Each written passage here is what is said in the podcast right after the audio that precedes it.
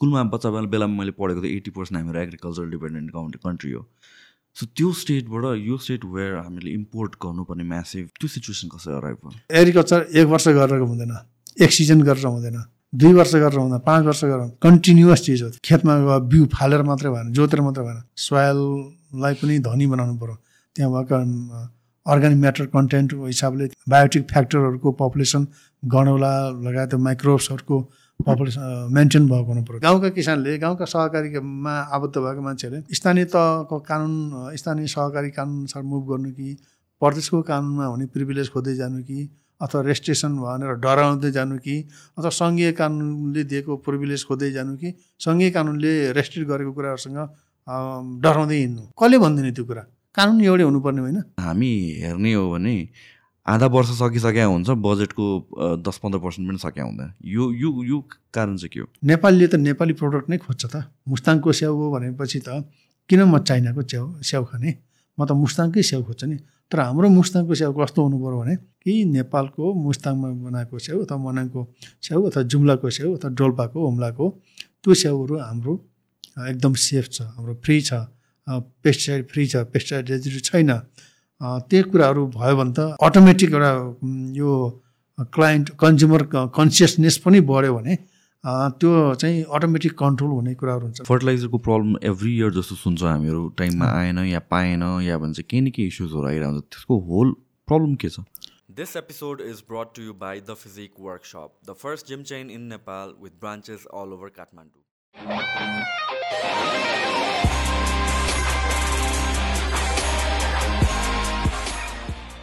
Govind Prasad ji first of all thank you so much for time तपाईँले निकाल्नुभयो यति busy हुँदाखेरि पनि। एन्ड um, तपाईँ चाहिँ बेसिक तपाईँको इन्ट्रोडक्सन दिनु पर्दाखेरि चाहिँ secretary of ministry of agriculture and livestock development नेपालको लागि। हजुर। सो तपाईँको ब्याकग्राउन्ड स्टडी ब्याकग्राउन्ड हेर्नु भने चाहिँ पिएचडी तपाईँले अस्ट्रेलियाबाट गर्नुभएको छ। हजुर। होइन specifically on agriculture and resource economics so something like most पिपलहरूको let start from this most पिपलहरू अहिले बाहिर जाने वेभ एकदमै छ. सो तपाईँले त्यहाँ पढेर पनि यहाँ फर्किनुको रिजन के हो? यहाँतिर केही स्कोप देख्नुभयो कि? के थियो प्लान त्यतिखेर? यस्तो छ। म चाहिँ नेपालमै सबै शिक्षा स्नातक र स्नातकोत्तरसम्म नेपालमै अध्ययन गरेँ। हजुर। र एउटा फिल्डमा काम गर्दा र पछि पोलिसी लेभलमा पनि काम गर्दाखेरि मलाई अलिकति यो नलेजले इन्क्रिज गर्नुपर्छ। हामी पनि डेभलप कन्ट्रीहरूको कन्टेस्टमा कसरी काम भइरहेको छ भन्ने कुराहरूले पनि आफूलाई इन्ट्रेस्ट गर्नुपर्छ भन्ने हिसाबले चाहिँ एउटा अपर्च्युनिटी पनि पाएँ। त्यो हिसाबले त्यहाँ गएपछि मैले आफूलाई चाहिँ जुन पहिला चौध वर्षदेखि फिल्डमा काम गरेको थिएँ त्यसपछिको चार सवा चार वर्ष चाहिँ जुन किसिमको अध्ययनले खारियो एउटा कन्फिडेन्स बढ्यो। र कन्फिडेन्स बढ्यो र एउटा इन्ट्रेस्ट पनि गर्न पाएँ आफूलाई सौभाग्य पनि हो। एउटा ग्रामीण कन्टेस्टबाट पढ्दै बढ्दै हुर्किँदै गभर्मेन्टको ब्युरोक्रेसीमा इन्ट्री गरेपछि किसानहरूसँग जुन आफ्नो हैसियत बनाइयो त्यसपछि जुन अपर्च्युनिटी पाइयो अन्त म चाहिँ फर्केर आउने सन्दर्भमा चाहिँ एक दुईवटा कुराहरू चाहिँ अलिकति साथीहरू भाइहरू पनि रोक्न खोज्नु थियो वास्तवमा। मेरो चाहिँ डिटर्मिनेसन थियो म चाहिँ नेपाल नै फर्किन्छु। र नेपालमै काम गर्छु भन्ने। अझै पनि म नेपालमा नेपालकै लागि काम गर्छु नेपालमै काम गर्छु। अब हुनसक्छ कहिले काहीँ अपर्च्युनिटीको हिसाबले फेरि पनि अब कहीँ जान सकिन्छ तर अल्टिमेटली नेपालको सोसाइटी नेपाली समाज नेपालको परिस्थिति नेपालको साथी सङ्गत समाज यो संस्कृति एकदमै प्यारो लाग्छ। त्यो हिसाबले पनि कतिपय मेरै आफ्नै पियर साथीहरूले पनि धेरै धेरै प्रेसराइज गर्नुभयो बिचमा फर्किने बेलामा। अलिकति टर्मोइल जस्तो चाहिँ स्थिति भएको थियो। तर डिटर्मिनेसन भएपछि त्यसको अगाडि केही लाग्दैन। म फेरि आफ्नो टप लेभलमा पनि थिएँ किन जाँदाखेरि नि म आफू सहसजी भइसकेको थिएँ। त्यो हिसाबले पनि नेपालमै जानुपर्छ कन्ट्रिब्युट चाहिँ नेपालमै गर्नुपर्छ भन्ने हिसाबले पनि नेपालमै आएको। म म डिटरमाइन थिएँ नेपाल आउने क्रममा सो जानुभन्दा अगाडि नै तपाईँले माइन्ड मेकअप गर्नुभएको थियो म फर्केर चाहिँ एकदम स्योर। सो तर यो जुन तपाईँले पढ्नु भएको छ यो त अलिकति निस सब्जेक्ट हो र एउटा तपाईँ डेप्थमै पढ्नुभएको छ पिएचडी नै गर्नुभएको छ भनेर भनेपछि त। र कतिचोटि चाहिँ अब फ्रेङ्कली नै भन्नुपर्दाखेरि वी लुक एट हामीहरूको रिटर्न्स के छ त नेपालमा स्कोप के छ त यत्रो पढेर आइसके पढिसकेपछि भनेर भनेपछि यहाँ अपर्च्युनिटी त्यतिखेर देख्नु भएको थियो कि कि it was solely because like मलाई नेपाल आउनु मन छ त्यो कारणले आउनुभएको।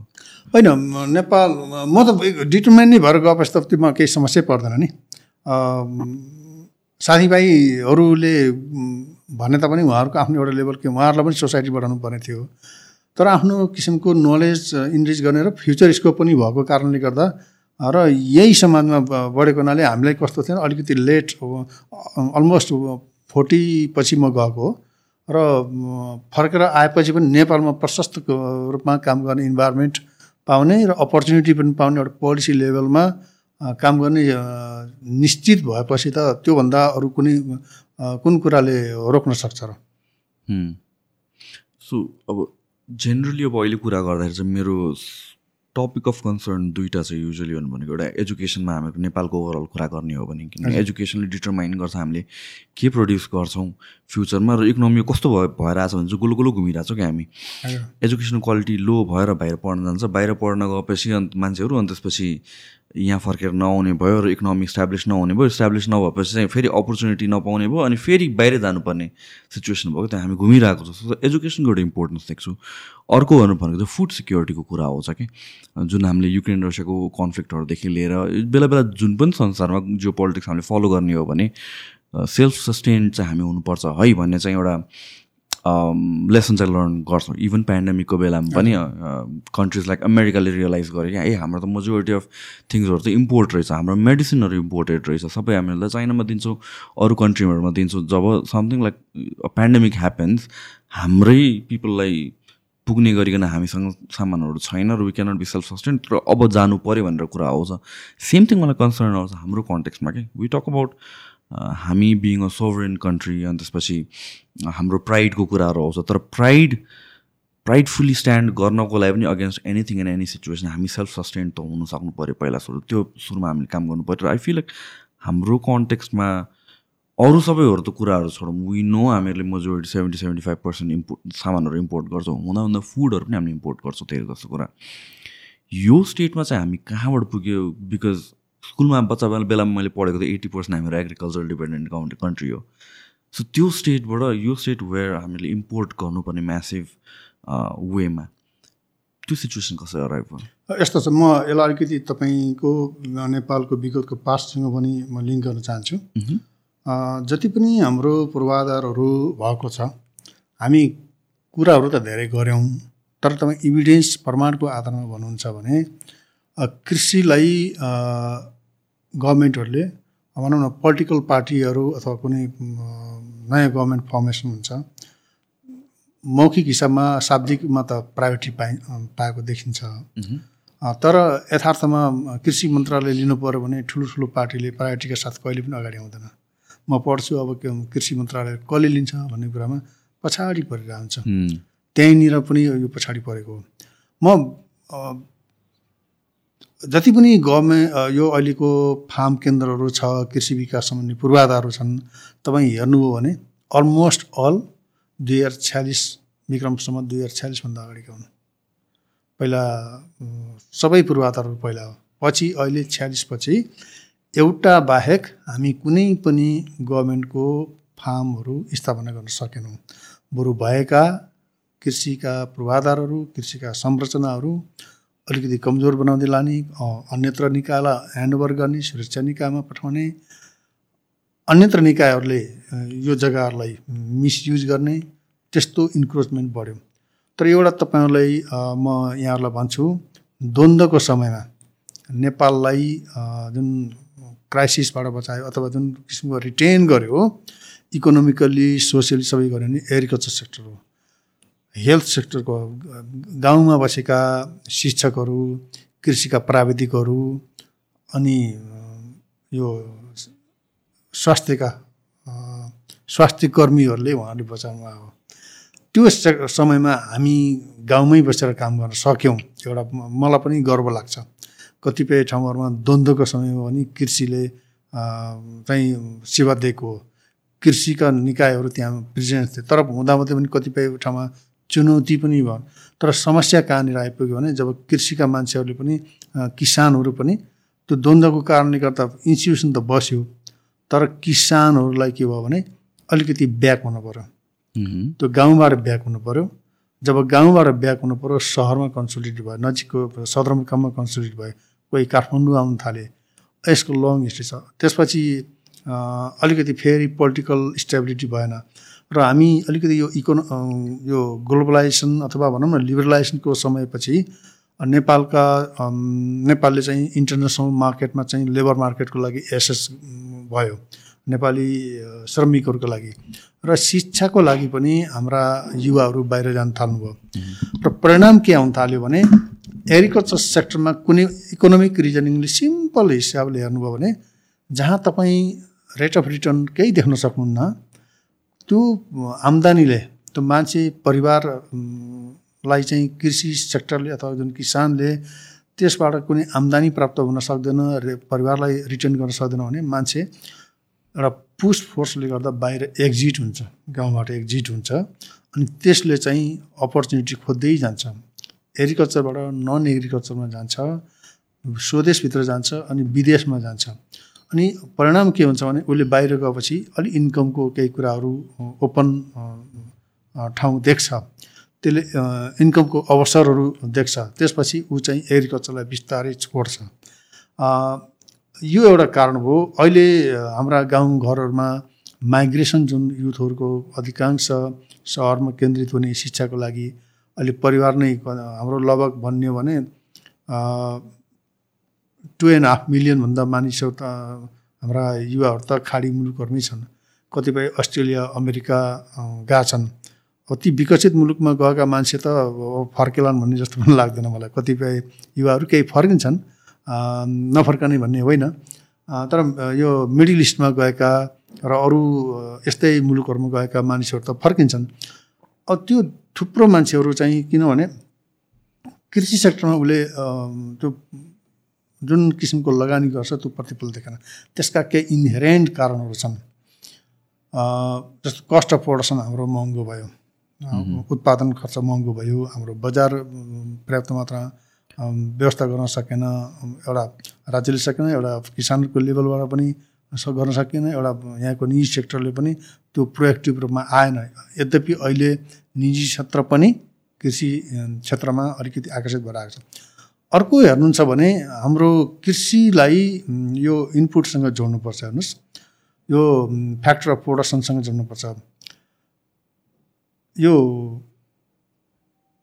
उत्पादनका सामग्री साधनहरू मेनली ल्यान्ड र लेबरले ठुलो हिस्सा राख्छ। अरू प्रविधि पनि हुन्छ महत्त्वपूर्ण प्रविधि पनि हो प्रविधि हो। तर ल्यान्ड र लेबर जुन किसिमको पछिल्लो समयमा हामीले जब मान्छे माइग्रेसन भएर जान थाल्यो पहिला त कस्तो थियो भने एउटा संयुक्त परिवार थियो। कृषिको लागि चाहिने श्रम परिवारबाटै पूर्ति हुन्थ्यो। जब युवाहरू बाहिर निस्किन थाले कृषिबाट बाहिर निस्किन थाले त्यहाँ श्रम पनि उपलब्ध हुन सकेन। मानिसले पारिवारिक श्रमबाट खेती गर्यो भने ठिकै छ त्यो ठिकै भयो। परिवारलाई सस्टेन गर्ने अथवा एउटा हामी निर्वाहमुखी भन्यौँ त्यो पुग्ने भयो। तर त्यहाँबाट ऊ कमर्सियलाइजेसनमा जाँदाखेरि अथवा उसले लेबर हायर गरेर खेती गर्दाखेरि ऊ फाइदामा हुन सकेन ऊ कम्पिटेटिभ हुन सकेन। लोकल लेभलमा ऊ सस्टेन गर्न सकेन नेसनल लेभलमा हेर्ने भने एग्रिकल्चर कम्पिटेटिभ हुन सकेन। त्यो कारणले गर्दा पनि हो। अनि अर्को कारण अब यो हाम्रो सोसियल ट्रान्सफर्मेसन पोलिटिकल ट्रान्सफर्मेसन हुँदै जाने क्रममा हामी विभिन्न किसिमका टर्मलहरू पनि देख्यौँ र कतिपय केसमा कस्तो भयो भने मानिसहरू आफ्नो जग्गा सहज रूपमा बेच्ने अनि तराईको जग्गाहरूमा व्यापक खण्डीकरण भयो। एउटा हाम्रो सांस्कृतिक हिसाबले पनि कल्चरल हिसाबले पनि बुवा हजुरबुवाहरूको जग्गा खण्डीकृत हुँदै बुवामा आउने अनि त्यो छोराहरूमा जाने त्यसपछि नातिहरूमा जाँदाखेरि त्यो जग्गाहरू चाहिँ टुक्रिँदै गयो। सानो सानो हुँदै गयो होइन? अनि अर्को के हुन्छ भने यो अव्यवस्थित सहरीकरण र जग्गाको खण्डीकरणमा भन्नुहुन्छ भने अलिकति स्टेटले कन्ट्रोल गर्नुपर्ने त्यो कन्ट्रोल हुन सकेन त्यो व्यवस्थित हुन सकेन। त्यसले कृषि सेक्टरलाई हान्यो। त्यो त्यो कुरा। अनि त्यसपछि प्रविधिको कुरा छ। अब प्रविधिमा मैले भने नि अघि हामी अलिक पहिला बरु राम्रो प्रायोरिटी दिएको थियो कृषिलाई इभिडेन्सले भन्छ हामीले भन्नु पर्दैन। र पछि हामी प्रायोरिटाइज त गऱ्यौँ। प्रायोरिटी भनेको पैसा मात्रै खनाउनु प्रायोरिटी होइन। त्यसलाई चाहिने पूर्वाधारहरू दिन सकियो कि सकेन। त्यसलाई चाहिने जनशक्ति दिन सकिएको सक्दैन। कृषि सेक्टरलाई चाहिँ मा आमन्त्रण गर्न प्राइभेट सेक्टरलाई हामीले कतिको पोलिसी फ्रेन्डली बनायौँ अथवा उहाँहरू कतिको आकर्षित हुनुभयो लगानीको लागि। ती कुराहरू पनि भूमिका हुन्छ। र हाम्रो मार्केट ओभरअल अर्को के छ भने जब ग्लोबलाइजेसन पछि यो लिबरला इकोनोमिक लिबरलाइजेसन पछिको पोलिसीले गर्दाखेरि अब हामी डब्लुटिएमा गएपछि कतिपय कुराहरू हामीले पाउने सुविधाहरूमा क्याचअप गर्न सकेनौँ। तर हामीले सिग्नेटरी भएको कारणले कतिपय कुराहरू डब्लुटिओको प्रोभिजनहरू अभि गर्ने कुरा सन्दर्भमा चाहिँ हामी ग्लोबल मार्केटमा इन्टिग्रेट हुँदाखेरि हाम्रो कस्टम कुराहरू यो ट्यारिफका कुराहरू नन ट्यारिफ ब्यारियरलाई इम्पोज गर्न सक्ने क्यापासिटी हुन नसक्नु त्यस्ता कुराले पनि हाम्रो एग्रिकल्चरलाई चाहिँ बाहिरको प्रडक्टहरूले पनि इन्भेस्ट इन्भेट गर्यो। त्यो कुराहरू पनि ले गर्दा पनि कृषि सेक्टर प्रभावित भएको। तर के छ भने कामहरू गभर्मेन्टले प्रायोरिटीका साथ गऱ्यो भने यी कुराहरू गर्न सकिन्छ। हामी गभर्मेन्टले चाहिँ यस्तो अरू देशहरूले पनि गरेको छन्। यो स्टेजबाट सबै मुलुकहरू गुज्रेका हुन्छन् अरू पनि गुज्रेका हुन्छन्। डेभलप कन्ट्रीहरू त उनीहरूको आफ्नो अलिकति स्ट्रङ पोलिसी हुन्छ इन्भेस्टमेन्ट हुन्छ प्रोटेक्टिभ हिसाबले जान्छ। हामीले पनि हाम्रो नेपालको कृषि सेक्टरलाई चाहिँ संरक्षण नै गर्नुपर्छ। यो हिसाबले चाहिँ अलिकति संरक्षण र प्रायोरिटी पनि दिनुपर्छ। बजेटको हिसाबले प्रायोरिटी दिनुपर्छ पोलिसीको हिसाबले प्रायोरिटी दिनुपर्छ फङ्सनको हिसाबले प्रायोरिटी दिनुपर्छ। त्यसलाई एरियामा लिने त्यो जस्तो पोलिटिकल पार्टीहरूले पनि मिनिस्ट्रीलाई ओन गरेर मतलब ठुल्ठुलो पोलिटिकल पार्टीहरूले अथवा ठुलो नेताहरूले पनि कृषिलाई आफ्नो आत्मसात गरेर लिन सक्यो भने नेपालको विकासको मोडेलमा चाहिँ एग्रिकल्चर हाइड्रो पावर र टुरिज्म नै हो। तपाईँ जति जे गरे पनि अहिले इन्डस्ट्रियलाइजेसनमा हामी जान सक्ने मात्रै छैन। सोसियल सेक्टर होला तर सोसियल सेक्टरको पनि त्यसको प्रिकन्डिसन त एग्रिकल्चर टुरिज्म र हाइड्रो पावर नै हुन्छ नि। सो यो जुन अघि हामीहरूले जग्गाको पनि कुरा गऱ्यौँ नि त सो जुन रियल स्टेटको बबल एउटा जुन बन्यो त्यसको कतिको रोल छ? यो एग्रिकल्चरबाट फार्मर्सहरू निस्किनुमा?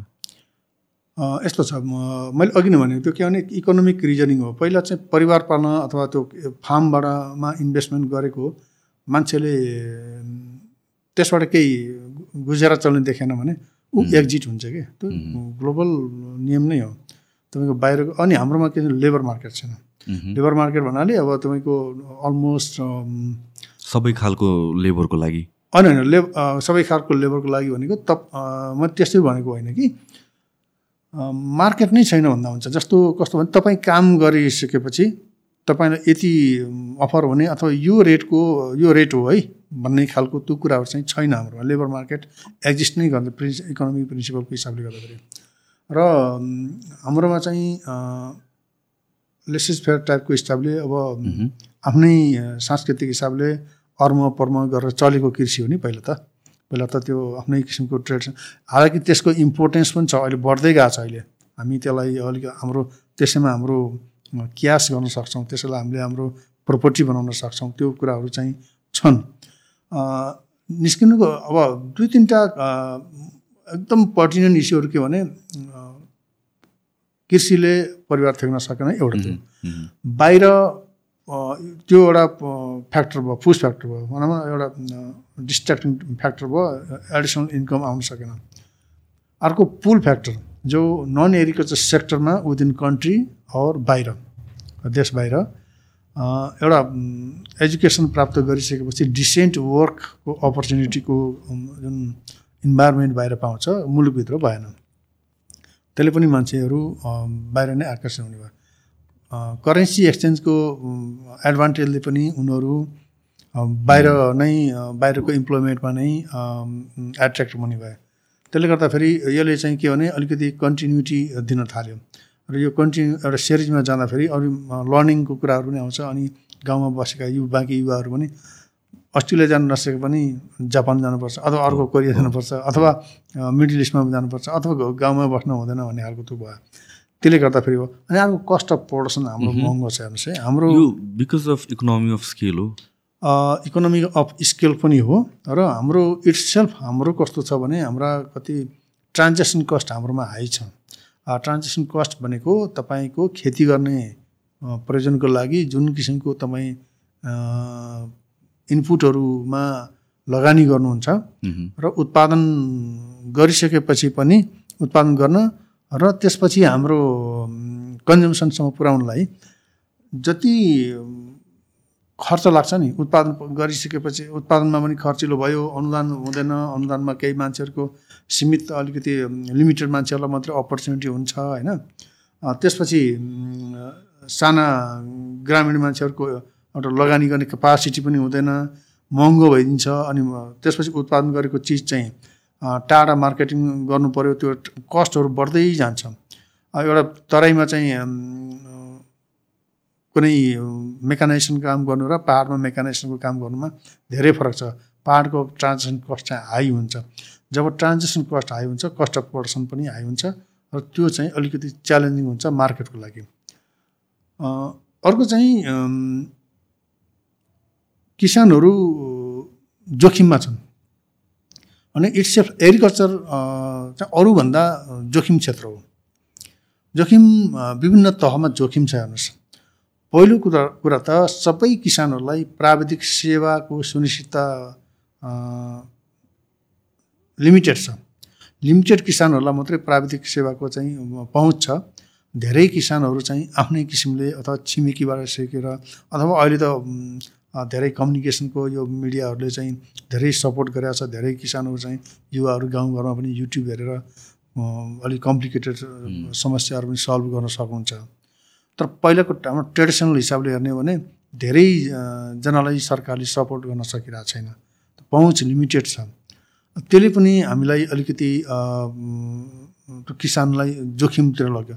अर्को कुरा छ उसको केही महामारीका कुराहरू छन्। प्रविधि कम्प्लेक्स प्रविधि हुन्छ। प्रविधि किसानले प्रपरली प्रयोग गर्न जानेन भने पनि त्यो कस्टली पनि हुन्छ त्यसले अर्को डिजास्टर निम्ताउँछ त्यसपछि हार्भेस्टिङ फसल राम्रो भयो है। उत्पादन राम्रो भयो। हार्भेस्टिङ गर्ने बेलामा तपाईँको विभिन्न किसिमको डिजास्टर असिना पानी आउने अगाडि पनि असिना पानी आएर तपाईँको खेती बिगार्ने जस्तो केरामा समस्या हुन्छ अरू फलफुल बालीहरूमा असिना फ्लावरिङ टाइममा अथवा सानो सानो बतिलो हुँदा खान योग्यभन्दा अगाडिको स्टेजसम्म असिना आयो भने त्यो सबै किसानको बाली गयो। त्यो जोखिम पनि किसानहरूमा छ अहिले व्यवसायीकरण गर्ने किसानहरूमा त्यो जोखिम छ। अब त्यसपछि मार्केट मार्केट छैन हेर्नुहोस्। मार्केट अर्गनाइज छैन भनेको मार्केट छैन भनेको होइन मार्केट छ तर कम्प्लिटली भने जस्तो व्यवस्थित छैन एस्योर छैन क्या मैले लगेपछि यो प्राइसमा हुन्छ भन्ने कुरा चाहिँ छैन। केही एक्जिस्टिङ मार्केटमा कस्तो छ भने तपाईँ आफै लग्नु छ आफै बार्गेन गर्नु छ आफै मार्केटमा पाउँछ तपाईँको लिङ्क छ भने यु गेट बेनिफिटेड बेटर तर तपाईँ चाहिँ एउटा मार्केटको सिस्टममा डिपेन्ड गर्नुहुन्छ अथवा त्यो बाटो म जान्छु है भन्नुहुन्छ भने यो तपाईँलाई अलिकति पेड राम्रो हुँदैन। त्यो तपाईँको पेमेन्ट चाहिँ त्यति क्लियर हुँदैन। तपाईँ लो पेड हुनुहुन्छ तपाईँको प्रडक्टको लागि। अब मार्केट अनि त्यसपछि प्राइस फ्लो फ्लक्चुएसन छ है। अब मार्केट छ ल। मार्केट छ प्राइस छैन। प्राइस छ पेमेन्ट छैन। पेमेन्ट छ टाइमली छैन। यस्ता इस्युहरू चाहिँ अल अफ सडन चाहिँ आएको होइन। यो भन्दा पहिलेदेखि क्यारी ओभर भएर आएको पनि हो। तर अहिले चाहिँ के हुन्छ भने यो यस्तो कुराहरूले किसानहरूलाई बढी प्रभावित पार्छ। अब इन्भेस्टमेन्ट हाई हुन्छ हेर्नुहोस् अब। अहिलेको कन्टेस्टमा चाहिँ अब किसानहरूले खेती गर्नु पऱ्यो भने लगानी गर्नुपर्ने। रिटर्न चाहिँ कहिले हो? अब यो बिचमा लेयर अफ हेर्नुहोस् त कति ठाउँ छ लेयर छ। अनि मार्केट नभएपछि प्राइस एसुरेन्स नभएपछि अलि रिस्की प्रोफेसनको रूपमा यो इस्टाब्लिस भयो पछिल्लो कालखण्डमा। गभर्मेन्टको पोलिसीहरू पनि छ त्यसमा रिस्क मिनिमाइज गर्ने पोलिसीहरू पनि छ। जस्तो हामी इन्सुरेन्सको पोलिसी इस्यु गर्छौँ।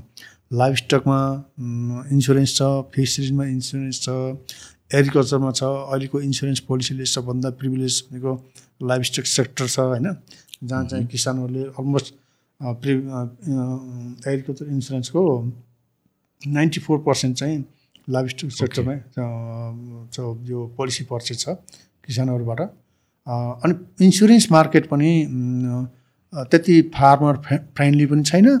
कतिपय केसहरूमा चाहिँ गभर्मेन्ट फ्रेन्डली पनि छैन म भन्छु। सो जस्तो कि इन्सुरेन्सकै कुरामा गर्दाखेरि हजुर। यो सबै फार्मर्सहरू लाइफ स्टक इन्स्योर गर्नै पर्छ भन्ने पोलिसी छ? अनि यस्तो छ कम्पलसरी छैन। इन्सुरेन्स कहीँ पनि कम्पलसरी हुनुपर्ने हो कि होइन? होइन यस्तो छ। मेरो आफ्नो विचारमा चाहिँ इन्सुरेन्स भोलिन्टियर हो तर गभर्मेन्टले प्रायोरिटी दिन्छ। तपाईँ इन्सुरेन्स पोलिसीमा आउनुहुन्छ भने गभर्मेन्टले अहिले पनि एट्टी पर्सेन्ट प्रिमियममा सब्सिडाइज गर्छ। जस्तो एक लाखको कुनै कमोडिटी छ गाई अथवा भैँसी त्यसको चाहिँ प्रिमियम फाइभ पर्सेन्ट छ मानौँ फर इक्जाम्पल भने पाँच हजार हो भने पाँच हजारको चाहिँ एट्टी पर्सेन्ट गभर्मेन्टले तिर्नुहुन्छ। ओके अहिले पनि छ त्यसरी? अहिले छ। त्यो त राम्रो हो नि त। अहिले छ। त्यही भएर त हामी भनिरहेको छौँ नि यस्ता पोलिसीहरू छन्। किसानलाई सपोर्ट गर्ने पोलिसीहरू छन्। कतिपय कुरामा टेक्निकल ब्याक स्टेपिङ गर्ने पोलिसीहरू छ। कतिपय ठाउँमा मार्केटको पूर्वाधार बनाइदिएका छौँ हामी। प्राविधिक सेवाहरू पुरा गर्न उपलब्ध गराउनको लागि उहाँलाई भेटनरी सर्भिस अहिले स्थानीय तहमा पनि कति सबै ठाउँमा त छैन अहिले हामी ग्रेजुअली गर्दैछौँ। त्यो स्थानीय तहले पनि गर्नुपर्ने हो तर उहाँले गर्न सक्नुभएको छैन। यसमा हामीले गभर्मेन्ट फेडरल गभर्मेन्टको तर्फबाट स्थानीय तहमा हरेक स्थानीय तहमा एग्रिकल्चर ग्रेजुएटको व्यवस्था गरेको छ अहिले सरकारले। तिन सय प्लस पालिकाहरूमा चाहिँ भेटनरी डक्टर अथवा लाइफ स्टक डेभलपमेन्ट अफिसरको लागि चाहिँ हामीले अहिले बजेट एलोकेट गरेका थियौँ ताकि कमसेकम किसानहरूलाई चाहिँ एउटा सहज पहुँच होस् प्राविधिक सेवामा भनेर। त्यस्तै टेक्निकल कुराहरूमा छ। कतिपय ठाउँमा ग्रुप इरि यो इरिगेसनको लागि हाम्रो डिप ट्युबवेलको लागि लगभग नाइन्टी सेभेन पर्सेन्ट अनुदान छ।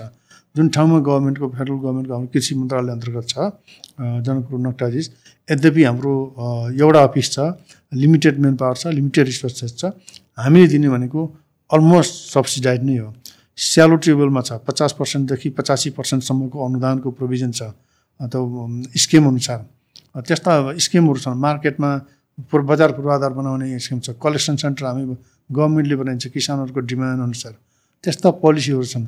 तर कतिपय ठाउँहरूमा अलिकति पर्सनल सपोर्ट गर्ने स्किम अनुदानको स्किमहरू पनि छन् तर त्यो अलिकति विवादित र त्यति डेलिभर कतिपय सेन्समा यो डेलिभरी राम्रो भएको होइन भन्ने गुनासोहरू चाहिँ आएको छ। त्यस्तो केसहरू छ। त्यस कारण गभर्मेन्टले गरेको छ कतिपय कुराहरू। यस्तो पोलिसीहरू कस्तो हुन्छ भने किसानलाई फर भर्तेक गर्न र त्यो रिस्कबाट बचाउनको लागि गर्ने हो।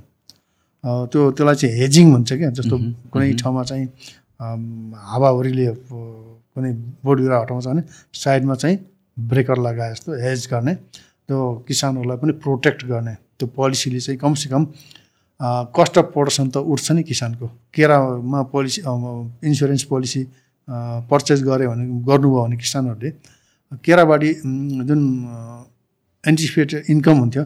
इन्कम हुन नसके पनि त्यो किसानको त्यो बेलासम्मको लस चाहिँ कम्पेन्सेसन हुन्छ। हामीले पे गरेका छौँ। त्यहाँ पनि विभिन्न खालको समस्याहरू त छ। अब हाम्रो नीतिगत विषयहरूमा चाहिँ कहिले चाहिँ किसानहरूले नभएको कुरा पनि क्लेम गरिदिनुहुन्छ। कहिले चाहिँ इन्सुरेन्स कम्पनीले अब किसानको लस भएको केसमा पनि यो त होइन। खासको भेरिफिकेसन भएन भन्छ। अब कस्तो हुन्छ भने विदेश बाहिरको कन्ट्रीहरूमा चाहिँ कहीँ लस भयो भने तुरुन्तै जान्छ। ड्रोनहरूले पनि क्यामेराहरूले पनि एसेसमेन्ट गर्न सकिन्छ। तुरन्तै त्यो कम्पनीहरू गएर एसेसमेन्ट पनि गर्न सक्छ। अब हाम्रोमा त के भयो भने कहिलेकाहीँ अब भनौँ न कुनै डाँडापारी किसानले इन्सुरेन्स गरेको छ बिसवटा गाईको दुईवटा गाई मऱ्यो जानु पऱ्यो अब बिमा कम्पनी कहाँ छ त्यो एजेन्ट कहाँ छ उसले खबर कतिखेर गर्छ कतिखेर पुग्छ एकदम पुग्दाखेरि अब बिमाको मान्छे आउँछ भनेर कोही पर्खेर कोही त कोही त पर्खेर सक्दैन बस्न समय हुन्छ कुन कारणले हुन्छ? उसको फेरि यो होइन यो कारणले होइन यो बिमा यसको त बिमा दिन मिल्दैन भन्छ होला। त्यस्ता इस्युहरू त छन् तर गभर्मेन्टले पोलिसी चाहिँ ल्याएको छ। अहिले पनि हाम्रो बिमाको चाहिँ एट्टी पर्सेन्ट चाहिँ हामी सब्सिडाइज गर्छौँ। सो यो अब यत्रो सब्सिडाइज गरेको छ यत्रो पोलिसीहरू आएको छ त्यही पनि अब जुन हिसाबले एग्रिकल्चरको स्टेट हामीहरू देख्छौँ जहाँ कि कस्ट अफ प्रडक्सन नै उठाउन गाह्रो भइरहेको छ भनेपछि यो त एकदमै hopelessness kind of situation create भयो नि त। सो होप केमा छ त? कसरी होइन होपलेस त छैन होपलेस छैन। हामीले व्यवस्थापन गर्नुपर्छ। के कस्तो छ भने पहिलो चाहिँ हामीले कृषिको चाहिँ फन्डामेन्टल पहिलो कुरा जमिनको यो व्यवस्थापनको कुराबाट सुरुवात गर्नुपर्छ। जमिनको व्यवस्थापन गर्नुपर्ने जस्तो जस्तो कस्तो भने अहिले चाहिँ पहाडी क्षेत्रमा हेर्नु भने धेरै बाँझो जग्गाहरू छ तपाईँ आफ्नो खेत पनि रोप्न सक्नुहुन्न अथवा आफ्नो खेती पनि गर्न सक्नुहुन्न। अनि कोही पार्टीहरू आयो भने सय रुपियाँ जग्गा दिनुहोस् न भनेर खोज्न खोज्यो भने पनि पाउँदैन। यो त पोलिसी ल्याउनु पऱ्यो त। एउटा चाहिँ भू उपयोग नियमावली चाहिँ ल्याएको छ। अहिले हेर्नुहोस् भने त्यो हाम्रो इन्टरनल समस्या हेर्नुहोस्। त्यो समस्याको चिरफार नगरेसम्म हामी कृषिमा पनि काम गर्न सक्दैनौँ। एउटा त्यस्तो छ। अर्को चाहिँ खण्डीकरण रोक्नु पऱ्यो नि हामीले। पहिलो म जमिनको कुराबाट सुरु गर्छु। जहाँ चाहिँ हाम्रा जमिनहरू विगतमा कृषिमा प्रयोग हुन्थे त अहिले किसानले क्रमशः उसले अपर्च्युनिटी खोज्दै गयो कहीँ गयो कसैको पचास रुपियाँ कसैको सय रुपियाँ कसैको दस रुपियाँ कसैको पाँच रुपियाँ ल्यान्ड फ्यालो गरेछ पाहाडमा ज खेती गर्न छोडिदिए त्यसपछि भुट्यानहरू पहिला आशा हेर्नुहोस् जङ्गल झाडी भएछ झाडीमा कन्भर्ट हुन थाले अनि जङ्गली जनावर पनि बढिरहेछ अहिले बाघ के अरे बाँदरको प्रकोप बढ्दो छ त्यसले गर्दा मान्छेहरूले खेती गर्न छोडे। त्यो बाँझो जग्गाहरूलाई कसरी खेती गर्ने युवाहरूलाई मोटिभे यसैमा युवाहरूलाई ल्याउन सक्ने कुराहरू। त्यसको गभर्मेन्टले स्किम हामी अहिले केही सुरुवात चाहिँ गर्दैछौँ। त्यो जग्गाको व्यवस्थापन गर्नुपर्छ।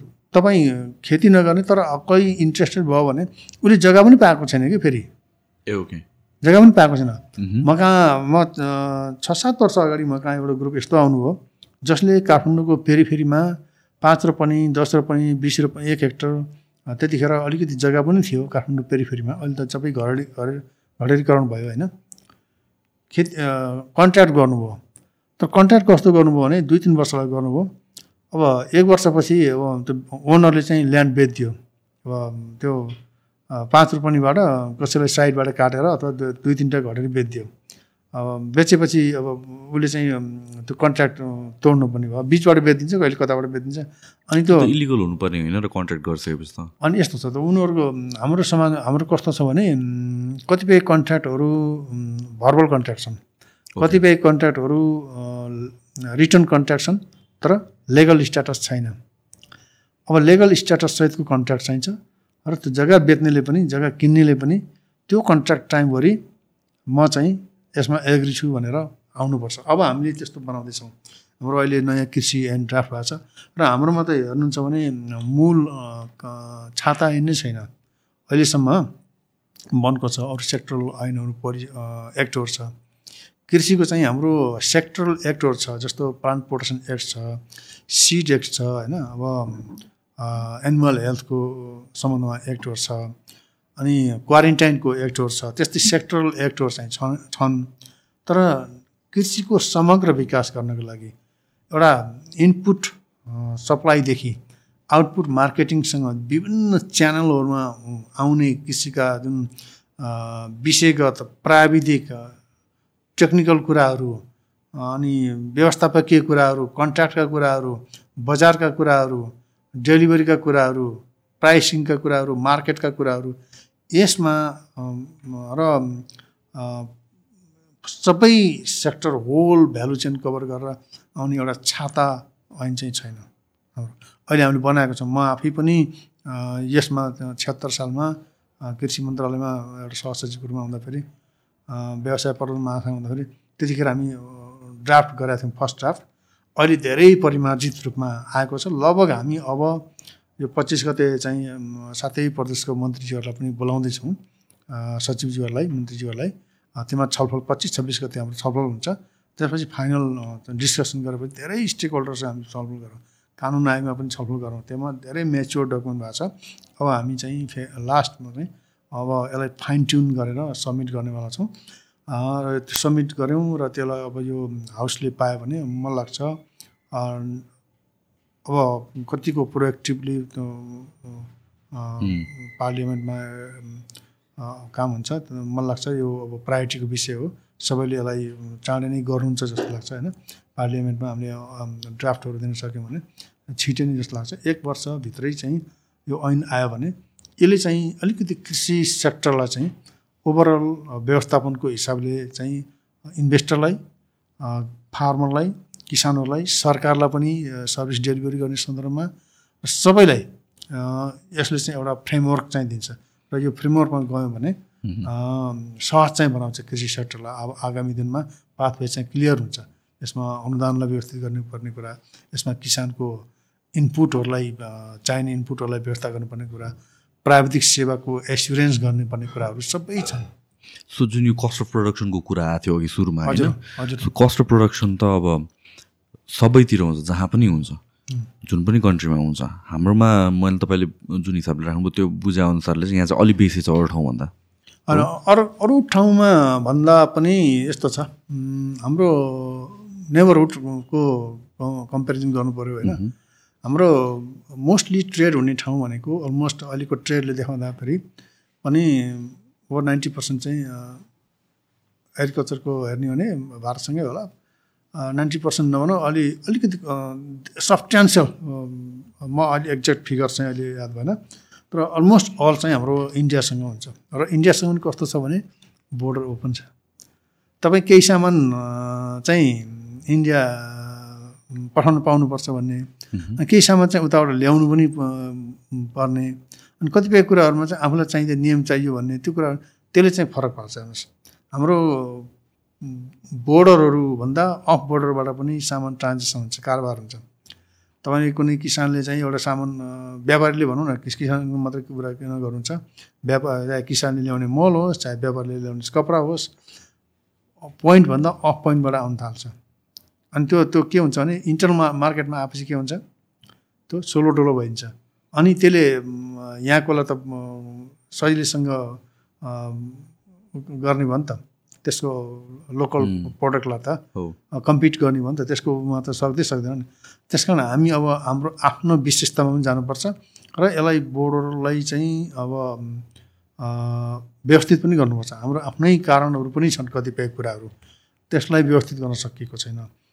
क्वारेन्टाइनमा पनि बोर्डर पोइन्टमा भएका अफिसहरू पनि एउटै नेचरका अफिसहरू बोर्डर पोइन्टमा चौबिसै घन्टा ओपन हुनुपर्छ नि कोही चाहिँ आठ घन्टा चल्छन् कोही चाहिँ दस घन्टा चल्छ सो यो क्वारेन्टाइन अफिसको काम चाहिँ के हो? खासमा हुने के हो त्यहाँ? क्वारेन्टाइन यस्तो छ। क्वारेन्टाइन भनेको त कुनै बाहिरबाट ल्याएको लिभिङ थिङ चाहिँ हाम्रो मुलुकमा आउनुभन्दा अगाडि त्यसमा डिजिजहरू छ कि छैन रेस्ट्रिक्टेड डिजिजहरू छ कि छैन त्यसले यहाँ ल्याएर कुनै फैलाउँछ कि रोगहरू फैलाउँछ कि हामी कहाँ नभएको रोगहरू आउँछ कि भन्ने हो।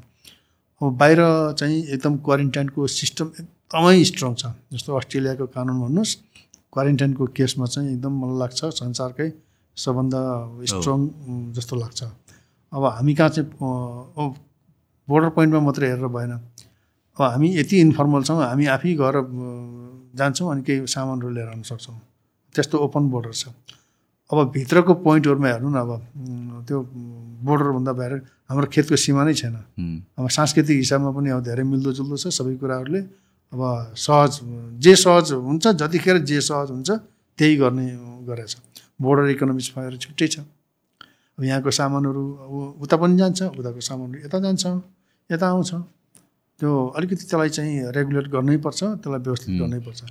यही अब उताको उताको प्रडक्टसँग हामी कम्पिट गर्न सक्दैनौँ भन्ने कन्टेक्समा आउँदाखेरि प्राइस वाइज कम्पिट गर्न सक्दैन क्वालिटी वाइज क्वालिटीमा हामी सक्छौँ। क्वालिटीमा हामी सक्छौँ। मेन कुरा भनेको प्राइस त्यहाँ इकोनोमी अफ स्केलले गर्दा उता सस्तो पर्न जान्छ। इकोनोमी अफ स्केल भन्नुहोस् अब हाम्रो ट्रान्जेक्सन कस्ट हाई भन्नुहोस् हाम्रो कस्ट अफ प्रडक्सन हाई भन्नुहोस् हाम्रो लेबर नपाएको कारणले गर्दा हाम्रो मेकानाइजेसन लिमिटेड मेकानाइजेसनको कारणले गर्दा अलिकति हाम्रो इनपुटहरू नै हाई भएको कारणले गर्दा हाम्रो कस्ट बढी हुन्छ लेबरको कस्ट बढी छ स्केल अफ प्रोडक्सन पनि बढी छ हाम्रो चार्जहरू पनि बढी छ। सो फाइनल प्रडक्ट महँगो भएर मार्केटमा आउनु मार्केटमा आउनु सो मैले यो कहाँ ल्याउनु खोजिरहेको छु भनेपछि हामीले कुरा गर्छौँ नि त नेपालमा चाहिँ नेपालको प्रडक्ट नै बिग्दैन भन्ने कुराहरू आउँछ बेला बेलामा इन्डियाको आउँछ। सो सुन्दाखेरि चाहिँ के लाग्छ भनेपछि यहाँ सम काइन्ड अफ लबी छ जहाँ चाहिँ गभर्मेन्टबाट या प्राइभेट अर्गनाइजेसनबाट इन्डियाको प्रडक्टलाई प्रायोरिटाइज गरिरहेको छ मार्केटमा तर यो भइरहेको बेसिक इकोनोमिक छ मार्केट डिमान्ड सप्लाईको कारणले भइरहेको छ बिकज यहाँको प्रडक्ट नै महँगो भएर हो। त्यही हो। त्यो पनि होइन। त्यो कस्तो हुन्छ भने बिजनेसमा ट्रस्ट पनि हुन्छ। कहिलेकाहीँ चाहिँ अब हाम्रो यहाँको किसानहरूको प्रडक्ट कहिलेकाहीँ सस्तै भइदियो भने पनि उनीहरूले मार्केट पाउँदैन। त्यो कारण के हुन्छ भने बिजनेस चाहिँ लङ रिलेसनमा पनि विश्वास गर्छ। बिजनेसको अर्कै छ सो सो मार्केटले कन्ट्रोल गर्छ त्यहाँमा के आउनु पाउँछ के आउनु पाउँदैन भनेर?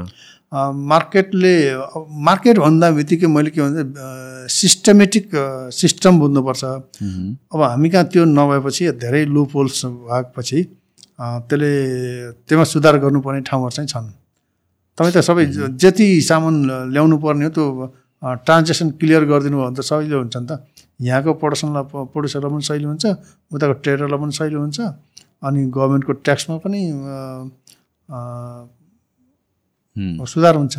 सो यहाँकै प्रडक्टलाई प्रायोरिटाइज गर्ने हो भने हाम्रो मार्केटमा स्पेस दिने हो भने मानौँ न फ्युचरमा भन्नु भनेपछि त त्यो प्रडक्टको प्राइस महँगो त महँगो हुन्छ होला नि त होइन महँगो अहिले यस्तो छ अब तपाईँले हजुरले भन्नुभयो होइन ठिक हो। महँगो भए पनि अहिले चाहिँ मान्छेहरू कस्तो छ भने तपाईँ एसियोर्ड प्रडक्ट हो भने त्यही चिज चाहिँ कन्ज्युम गर्छ अहिले। अहिले तपाईँको नेपालको चिया मैले चाहिँ संसारभरिको चिया भन्दा मलाई चाहिँ म गर्वले भन्छु नेपालको चिया बेस्ट चिया हो। हिलमा लगाएको सिटिसीको आफ्नै कुरा छ होइन।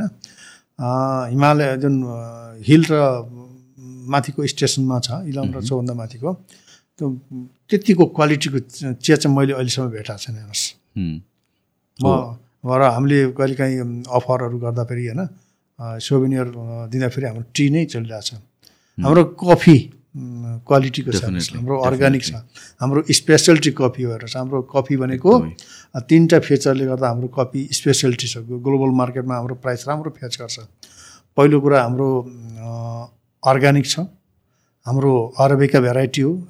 इट्स सेल्फ अब अरबिका भेराइटीको डिमान्ड हाई छ। र तेस्रो हामी हाई अल्टिच्युड यानि आठ सय मिटरदेखि दुई हजार बाइस सय मिटरसम्म हाम्रो कफी ग्रो गर्छौँ। यो भनेको हाम्रो स्पेसियालिटी कफी हो। र यो कफीको मार्केट यद्यपि हामी कतिपय ठाउँमा हामीले त्यही कफी हामी राम्रोसँग खान जान्दैनौँ त्यही चाहिँ अरूले राम्रोसँग बनाएर खाउ दियो भने हामी वा भन्छौँ। तर हाम्रो कफी चाहिँ एकदम क्वालिटीको हाम्रो हाम्रो कफी चाहिँ अर्ग्यानिक हो बाई डिफल्ट सर्टिफाइड पनि छ बाई डिफल्ट चाहिँ अर्ग्यानिक हो। तर त्यसमा पनि अब अब यसको भनौँ न अब समस्याहरू छ। जस्तो कफीकै एक्सपान्सन किन भएन अथवा कफी चाहिँ किन भएन त्यसको कुराहरू पनि इस्युहरू छन्। कफीको त म एकदमै ह्युज फ्यान हो होइन? जुन हामीले अहिले खाइरहेको छु पनि लेकाली कफी हो एसियाकै टप ऱ्याङ्किङ कफीमै पर्छ कि यो चाहिँ।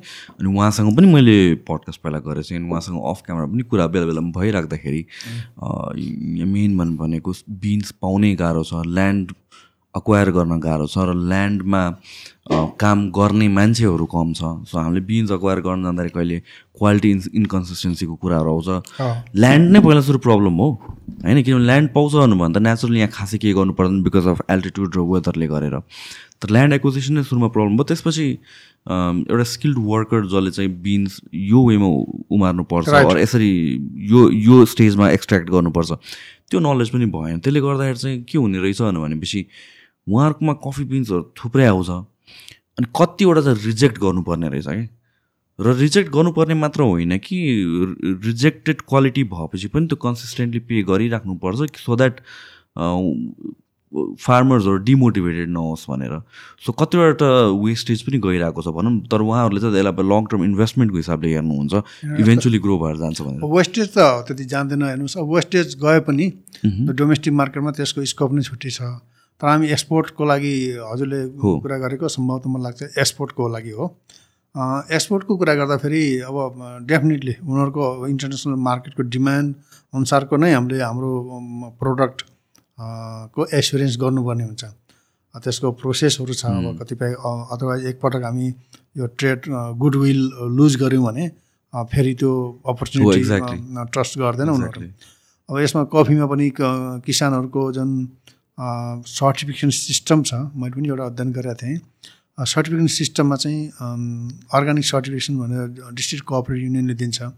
त्यहाँ कोही किसानले चाहिँ मैले कुनै वर्ष चाहिँ सर्ट एन्ड प्राइस मानव अब सय रुपियाँ छ। तर भेन्डरले लोकल्ली कोही आएर एक सय बिस अफर गर्छ।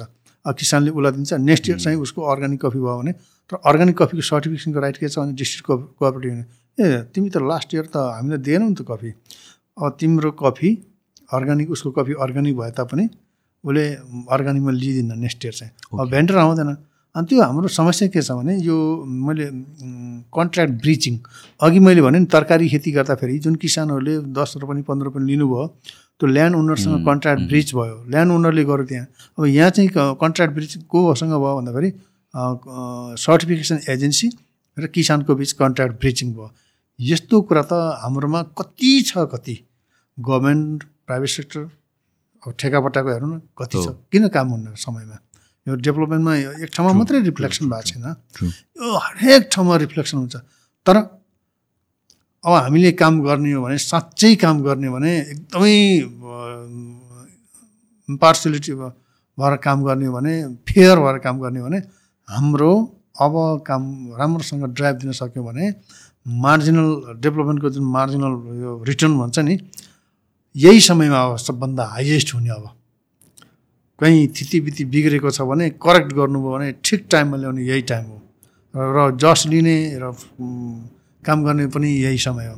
र अर्को एग्रिकल्चरको यहाँले भन्नुभयो कस्तो छ भने अर्को म किन एग्रिकल्चर अलिक पछाडि पऱ्यो अब किन एग्रिकल्चरलाई उयो भएन मैले अघि भने प्रायोरिटाइजेसनमा चाहिँ अलिक कम त्यति प्रायोरिटी आएन। मन्त्रालय लिने सन्दर्भमा अथवा त्यसलाई प्रायोरिटी गर्ने सन्दर्भमा हामी क्वेसन मात्रै गर्छौँ। तिमीले यो काम राम्रो गर्यौ भनेर एभरेज गर्नु पनि जान्दैनौ। कुनै समय काम गरेछ भने एभरेज पनि गर्नुपर्छ। राम्रो ल यो काम राम्रो भयो भन्नु पनि पर्छ। तपाईँ जतिसुकै राम्रो काम गर्नुहोस्। यहाँ तपाईँले जस पाउने हुँदैन। तर काम हामीले के गर्नुपर्छ भने काम राम्रो गरेछ यु हेभ डन बेटर भन्नुपर्छ। काम गरेको छैन यो भएन या अथवा यसमा यसरी गर्नुपर्छ भने खालि एकहोरो खालको अलिकति यो भएन ऊ भएन यस्तो भयो उस्तो भयो भन्ने कुराहरू पनि आउँछ। अहिले चाहिँ अब अलिकति अर्को चाहिँ एउटा मैले देखेको समस्या आफ्टर फेडरलाइजेसन चाहिँ कृषि अलिकति टुरो भयो कि जस्तो लाग्यो मलाई। सेक्टर इट्सेल्फ अब हामी जति पनि पूर्वाधार मैले अघि भने नि छ्यालिस सालभन्दा अब अगाडि बनेका पूर्वाधारहरू जति पनि कृषिका पूर्वाधारहरू छन् तिनै तल्लो तहमा प्रदेश र स्थानीय तहमा ह्यान्डओभर गऱ्यौँ। धेरै ठाउँ जनशक्ति पनि गए कार्यालयहरू पनि गए। तर जुन किसिमको डेलिभरी दिनुपर्ने हो त्यो चाहिँ हुन सकेन। म पनि दुईवटा प्रदेशमा प्रदेश सचिव भएर काम गरेँ आयोजनामा काम गरेँ। मैले कृषिका अलमोस्ट अल निकायहरू जुन लेयर हुन्छ सबैमा काम गरेँ। मलाई सबै कार्यालयहरूको अनुभव पनि छ।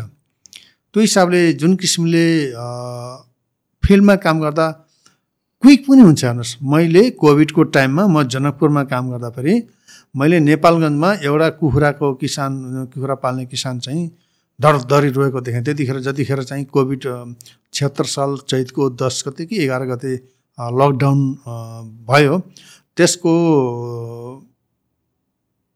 लगत्तै सबै आवागमन बन्द भयो होइन? आवागमन बन्द भएपछि जतिखेर त्यतिखेर कुखुराहरू ठिक्क बजारमा जान तयार पारेका थिएँ जहाँको त्यहीँ बस्योस् मैले म मधेसमा थिएँ मध्य प्रदेशमा जनकपुरमा। म त्यतिखेर कृषि मन्त्रालयमा प्रदेश सचिव थिएँ। अनि त्यो देखेपछि म आफैलाई रुनु मन लाग्यो। त्यत्रो लगानी गरेर त्यो किसान बिचरा त्यहाँ बोल्दा बोल्दै एउटा मिडियाको साथीले इन्टरभ्यू लिनुभएको थियो उहाँको होइन? देखाउनु थियो स्ट्याटस बोल्दा बोल्दै रोयो र थोचुक्क बस्यो मैले सम्झेँ त्यही त्यो त्यो किसानको स्ट्याटस देखेपछि मैले जनकपुरमा चाहिँ हामीले अब मैले किसानलाई केही सपोर्ट गर्नुपर्छ।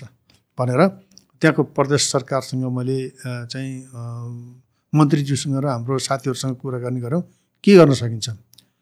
जति कि जति जतिखेर त्यतिखेर सङ्घीय सरकारले पनि किसानहरूलाई रातको प्याकेज घोषणा गर्न सकेन मैले चाहिँ प्रदेश सचिवको रूपमा काम गर्दाखेरि छत्तिस करोड रुपियाँ प्रदेश सरकारबाट विनियोजन गराएर सत्ताइस करोड चाहिँ तिन महिनाको चैत वैशाख जेठको ब्याज मिना किसानहरूको कृषि ऋणको र चाहिँ नौ करोड चाहिँ यो व्यवसाय पुनर्स्थापन भनेर हामीले कार्यविधि बनायौँ र क्याबिनेटमा पास गरेर ती किसानहरूको तिन महिनाको ब्याज चाहिँ त्यतिखेर हामीले तिर्दिया छौँ।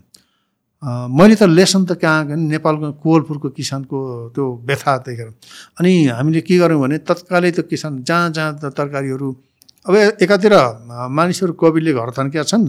किसानहरू खेतमा किसानको खेतमा तरकारी लटरम्मै छ। अनि बजारमा तरकारी लैजान किसानलाई रेस्ट्रिक्सन छ। अनि मानिसहरू चाहिँ न्युट्रिसनको अभावमा झन् समस्या अनि अलि टेन्सन स्ट्रेस लिने अवस्था भयो।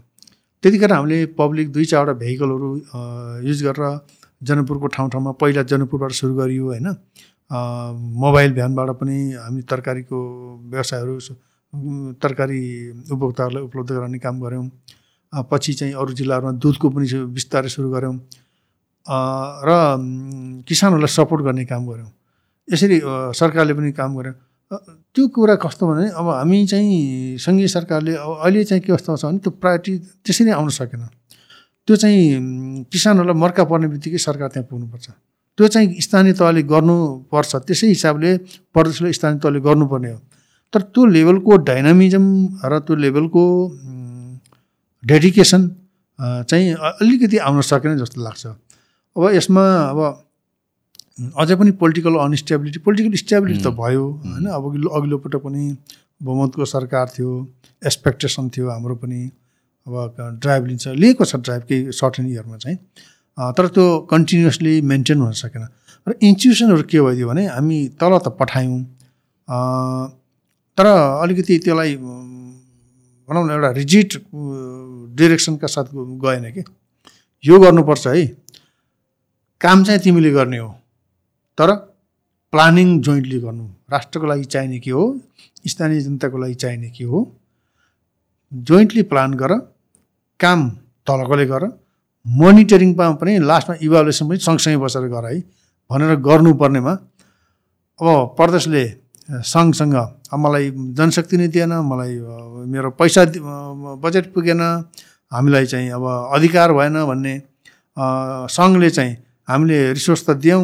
तिमीले गर्न सकेनौ भन्ने यो चाहिँ म्याचिङ चाहिँ भएन। अहिले हामीले रियलाइज गरेका छौँ यसलाई चाहिँ हामीले स्थानीय त प्रदेश र सङ्घको यो कुराहरू चाहिँ हार्मोनाइज गर्नुपर्छ। अब अहिले हेर्नु न अहिलेकै बजेटमा पनि विभिन्न इन्स्टिट्युसनहरू कोही मर्ज गर्ने कोही के गर्ने भनेर बजेटमा इन्कन्सिस्टेन्सी आयो। एक सय सडचालिसवटा कार्यालयको अहिले बजेट जिरो भएको छ? हाम्रो अहिले भर्खर सल्भ हुँदैछ यो अर्थ मन्त्रालयबाट। हामी पहल गऱ्यौँ सामान्य प्रधानमन्त्रीसँग अथवा अर्थ मन्त्रालयमा छलफल गरेर। अलिकति पोलिसीहरू कङ्क्रिट जोसँग छलफल गर्नुपर्ने हो छलफल प्राप्त हुन सकेन। यो के हो भने डेभलपमेन्टमा चाहिँ डिबेट गर्नुपर्छ। ओके। डिसाइड गर्नुपर्छ। तर हाइटमा बसेर होइन। Open debate open discussion debate र त्यसलाई चाहिँ डिसिजन गर्ने। डिसिजन गर्ने सन्दर्भमा तपाईँको भनाइ एउटा हुनसक्छ मेरो एउटा भनाइ हुनसक्छ। मेरो एउटा फिलोसफी हुनसक्छ हजुरको एउटा फिलोसफी हुनसक्छ। तर एग्रिड डिसिजन जुन हुन्छ त्यसमा चाहिँ स्ट्रिक हुनुपर्छ।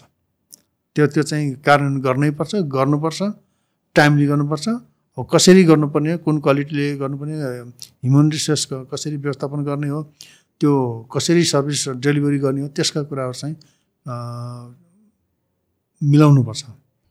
त्यो कुराहरू चाहिँ अलिकति खर्केको हो कि जस्तो लाग्छ मलाई। अर्को कुरा सिँचाइको कुरा छ हेर्नुहोस् है। अब हामी इन्टर कृषि भन्ने बित्तिकै हामी कहाँ के सम्झ्यौँ भने कृषि मन्त्रालय कृषिको कर्मचारी अब कृषि मन्त्रीज्यू कृषि सचिवज्यू डाइरेक्टर साहब अब डिजी साहब अथवा कृषिको कार्यालय त्यो होइन। कृषि भनेको मल्टिफङ्सनल यो सेक्टरल हिसाबले हेर्नुपर्छ। कृषिसँग खाने यो सिँचाइ जोडिन्छ पहिला। जमिन जोडियो भूमि व्यवस्था मन्त्रालय पऱ्यो त्यसको जग्गाको गभर्नेन्स जग्गाको किता काठ सबै गर्ने एउटा निकाय छ जहाँ हाम्रो कहीँ पनि एसेस हुँदैन। कहीँ पनि एसेस हुँदैन। अहिले जग्गा यति टुक्रिएको छ कृषि मन्त्रालयले केही पनि हेर्न सक्दैन हामी। उयो समय भन्नुहुन्छ के भने कृषि भएन यो भएन यो सुविधा भएन। कसरी हुन्छ? त्यो त्यो व्यवस्थापन मिलाउनु परेन। जोइन्ट जोइन्ट कोलाबोरेसन हुँदैन पोलिसी मेकिङको बेलामा? त्यो हुनुपर्ने। अब भएको छैन। तर हामीले सिक्नुपर्ने इन्डिया हाम्रो छिमेकी मुलुक इन्डियाबाट पनि हो। इन्डियामा हामीले पनि भन्यौँ कि किसानको आम्दानी डबर गर्ने भनेर। इन्डियामा doubling the income of farmers भन्ने मोदीको एउटा मोदी सरकारको एउटा पोलिसी आयो। त्यसमा पार्लियामेन्ट मेन्टेरियनहरूको चाहिँ कम्बाइन्ड सिग्नेचर छ। ओनरसिप लिएको छ। त्यसमा चाहिँ सबै मन्त्रालयहरू पार्लियामेन्टेरियनहरू सेलेक्टेड पार्लियामेन्ट्री सबै त हुने भएन छ। मन्त्रालयले रिसर्चले सबैले ओन गरेको छ। ओन गरेपछि कसैले काम गरेन? यहाँ हामीले पनि त्यस्तै एउटा प्रोजेक्ट बनायौँ। प्रधानमन्त्री कृषि आधुनिकरण परियोजना भनेर। त्यो सेक्टरल प्रोजेक्ट थियो। सबै मन्त्रालयहरू सिँचाइ मन्त्रालयमा हामीले पैसा पठायौँ बजेट पठायौँ रिसोर्स पठायौँ उद्योग मन्त्रालयमा रिसोर्स पठायौँ वन मन्त्रालयमा रिसोर्स पठायौँ अनुसन्धानलाई पठायौँ उद्योग भूमि व्यवस्थामा पठायौँ सबै ठाउँमा पठायौँ। तर अल्टिमेटली के हो भने प्रधानमन्त्री कृषि आधुनिक परियोजना भनेपछि कृषि मन्त्रालयको मात्रै काम हो भनेर बुझियो। यस्तो बुझाइ हुँदासम्म हामी अगाडि बढ्न सक्दैनौँ सिँचाइको कुरा छ अहिले। म अस्ति मैले चाहिँ म आफै कोअर्डिनेसन गरेँ।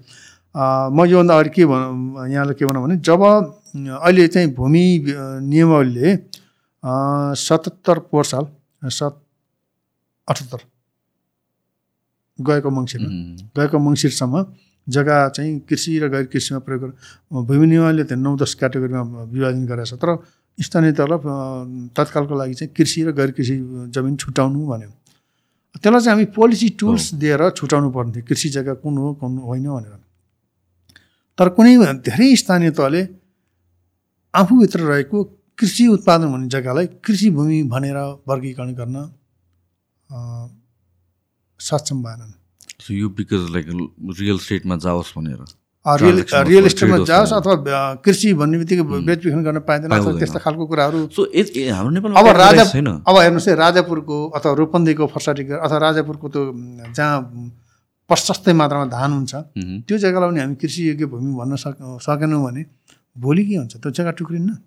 अहिलेसम्म चाहिँ आइडेन्टिफिकेसन छैन त्यस्तो कुनै पनि होइन सात सय त्रिपन्न पालिकालाई त्यो एसाइनमेन्ट दिएको कानुन न त नै। तर एक सय पच्चिस तिस पालिकाबाट आयो होला त्यो काम चाहिँ। तर धेरै ठाउँमा के भइदियो भने अब उहाँहरू मेयर साहबहरू पनि त पोलिटिकल बडी नै हो नि। भोलि फेरि भोट माग्न जानुपर्छ होइन? किसानकैमै जानुपर्छ। अनि हेर्नुहोस् त कति गाह्रो। तर गर्नुपर्ने के थियो भने उहाँहरूलाई मात्रै एसाइन नगरेर टेक्निकल टिम कृषिमा छुट्यायो भने यस्तो हुन्छ है तिमीलाई। यो सुविधा पाइन्छ। ट्याक्स वेब हुन्छ। अनि गैर कृषिमा भयो भने अथवा हाइवेको कोरिडोरमा भएको बाटोहरू चाहिँ गैर कृषिमा अथवा कमर्सियल ल्यान्डमा कन्भर्ट गर्यो भने यसको चाहिँ ट्याक्स यो हुन्छ है। पोलिसी टुल डिजाइन गरेर माथिको टेक्निकल टिम गरेर जस्तो कुनै ठाउँमा चाहिँ पाँच सय हजार बिघा चाहिँ अब कृषिको छ अथवा सय बिघाभन्दा बढी छ त्यसलाई त ठ्याक्क ट्रेस गरेर तपाईँ यो यो त तपाईँ चौकीलाई तोकिनुपर्छ। यो चाहिँ कृषि ल्यान्ड हो। अब यहाँको किसानले चाहिँ यो यो सुविधा पाउँछ यो चाहिँ लक गरिदिनु एग्रिकल्चर ल्यान्ड भनेर भन्नु सक्नु पऱ्यो नि। त्यो चाहिँ आएन। त्यो त स्थानीय तहलाई पनि सङ्घले बल दिनु पर्थ्यो होइन? स्थानीय तहले पनि अब मेयर साहबहरूले पनि अथवा त्यहाँको पोलिटिकल बडीहरूले पनि जे त होला तर डेभलपमेन्टमा त जाउँ न त एउटा त पोलिसी त जाउँ न हार्ने जित्ने त पछिको छँदैछ। एउटाले दिनु त हो नि जित्ने त हो नि होइन? त्यही भएर पनि अलिकति यो कुराहरू चाहिँ आएको छ। सेक्टरल कुरा अब उद्योग मन्त्रालयमा अब उद्योग मन्त्रालयमा पठाएको पैसा उद्योगले खर्च गर्न सक्दैन। यो त कृषिकै हो किन गर्ने भन्ने। अहिले कतिपय कुराहरू किसानहरूको उहुको पैसा चाहिँ उद्योगसँग सम्बन्धित हुन्छ। उद्योगहरूले पैसा दिएन कृषि मन्त्रालय आउनु आउनुहुन्छ उहाँहरू। तर कृषि मन्त्रालयले उद्योगलाई त रेगुलर गर्न सक्दैन। हामी त सहजीकरण गर्ने मिटिङमा बस्ने हो। हाम्रो त के हो भने किसानहरूलाई सहजीकरण गर्ने किसानहरूको प्रोडक्ट चाहिँ के उद्योगमा जाओस्। उद्योगले पेमेन्ट गर्नु पऱ्यो सरकारले दिने पैसा जुन प्रोत्साहन अनुदान हो ऊ उत्पादन प्रोत्साहन अनुदान त्यो चाहिँ हामीले दिने हो। गभर्मेन्टले दिने पाटो चाहिँ हामीले दिइरहेछौँ। हालाकि यो वर्ष अलिकति केही पेन्डिङ भयो यो का विविध कारणले गर्दा अब बजेटरी कारणले गर्दा। तर हामी तुरन्तै दिन्छौँ हामीसँग रिसोर्स पनि दिन्छौँ। यस्ता कुराहरू चाहिँ सेक्टरल कुरा हो। यो एउटाले मात्रै सम्बोधन गरेर हुँदैन यसमा।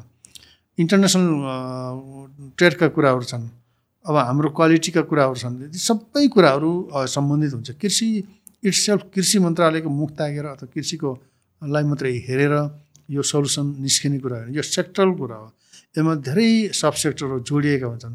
ती सबैले अब वन अहिले वनको कुरा गर्नुहुन्छ भने अब कृषि र वनको सम्बन्धको कुरा गर्ने एग्रो फरेस्ट्री होइन हामी चाहिँ अन्य मुलुकमा चाहिँ वनभित्र पनि कृषि फलफुलको खेती गरेको छ हामी कहाँ के छ भने वन भनेपछि छुनै पाइँदैन भन्ने छ। कृषिमा वन आयो वनमा कृषि पेन्टेड हुन सकेन। हामी त्यो हैसियत बिग्रेको जग्गामा सामुदायिक वनमा त फलफुल लगायो भयो नि त। अन्यत्र मुलुकहरूमा छ त कफी लगाएका छन् ड्रेगन फ्रुट लगाएका छन् अन्यत्र एभोकाडो लगाएको छ। अनि यहाँ हामी चाहिँ एभोकाडो लगाउँदा के त्यो वनको कमोडिटी होइन त्यो। ल्यान्ड कभर गर्दैन ग्रिनरी मेन्टेन गर्दैन त्यसले। हो नि डेफिनेटली गर्छ नि। त्यो पनि बहुवर्षीय प्लान्ट हो। एउटा सालको रुख अथवा कुनै बिरुवा लगाउनु र त्यो एभोकाडो फ्रुट लगाउँदा केही फरक पर्छ? हैसियत बिग्रेको वनमा। तर त्यो हाम्रो के छ भने अब वनमा त पेन्टेड गर्नै दिनुहुन्न यो त यो कानुनले यस्तो गर्छ भन्ने कुरा हुन्छ। तर त्यो चाहिँ हामी अलिकति त्यसमा हुन त हाम्रो कृषि वन नीति पनि आएको छ। तर अब धेरैजना किसानको पनि त्यही धारणा छ। अब प्राइभेट ल्यान्डमा भएको एउटा सालको काट काट्न नसक्ने अब उसको पनि जग्गा हुन्छ आफ्नो प्रोपर्टीमा भएको। अब जङ्गलमा गएर फलफुल बिरुवा पनि रोप्न नसक्ने। कानुन धेरै कम्प्लिकेटेड बनाए पनि गाह्रो हुँदो रहेछ कहिलेकाहीँ। यो के हो भने डेभलपमेन्ट वर्कमा चाहिँ के हुनुपर्छ भने एकदमै त्यो इम्पार्सिलिटी भन्ने हुनु फेयरनेस हुनुपर्छ कि? अब ल यो काम यसले काम राम्रो गर यसलाई लिडरसिप दिने। रिजल्ट उसले दिन सक्यो उसलाई ल्याउने। अथवा सिनियरिटीको कुरा हो अथवा रिजल्ट ओरिएन्टेड काम गर्ने कसले काम गर्छ के गर्छ त्यो कुराहरूमा चाहिँ हामी हेर्नुपर्छ। पोलिसी हडल्स यहाँ छ इम्प्लिमेन्टेसन हडल्स यहाँ छ यो समस्या यो फुकाउने तुरुन्तै। एउटा हाई लेभल डेडिकेटेड टिम बनाएर हेर्न पठाउने हुँदा हुन्छ नि। अब यहाँ पठाउनु छ अब अनि एउटा काम अगाडि बढ्नु छ एउटा चाहिँ सुपरभिजन एजेन्सीले यहाँ चाहिँ ल यो चाहिँ त्यसको फाइल के भएको भनेर सोधिदियो भने सबैको हात काम छ अनि काम गर्न सक्दैन। उसले बुझेको पनि हुँदैन कि उसले जस्तो कहीँ चाहिँ के हुन्छ भने एउटा सुपरभिजन एजेन्सी फर इक्जाम्पल अख्तियारको भनौँ आयो भने पत्र आयो भने अब यो त यहाँ त स्मार्ट पत्र आएको छ। त्यो केही पनि होइन त। तपाईँ गल्ती नगर्नुहोस्। तपाईँ आफ्नो नियम कानुन सम्मत काम गर्नुहोस्। सुन्ने कुराहरू सबैले सोध्छ। तर गल्ती कहीँ छैन भने डराउनु पर्दैन रिजल्ट दिनुहोस्। त्यो त सल्भ सोझै सल्भ भएर जान्छ। अनि त्यसैमा डरायो भने अहिले अघि हामी इन्फर्मल कुरा गर्दा पनि आएको कुरा नि। हो। अब मान्छेहरू अगाडि बढ्नै डराउँछ कि अनि। ओ यस्तो ठाउँबाट पत्र आएको छ अरे। पत्र आएर पत्र त सोधिन्छ त। यो ट्रान्सपेरेन्सीको समयमा यो ओपन सोसाइटीमा यो चाहिँ ओपन गभर्नेन्समा होइन। तपाईँले गरेको अहिले त कतिपय डिसिजनहरू मैले गरेको डिसिजन पहिला त महिनौ दिन वर्षौँ दिनसम्म थाहा हुन्थेन मान्छेहरूलाई।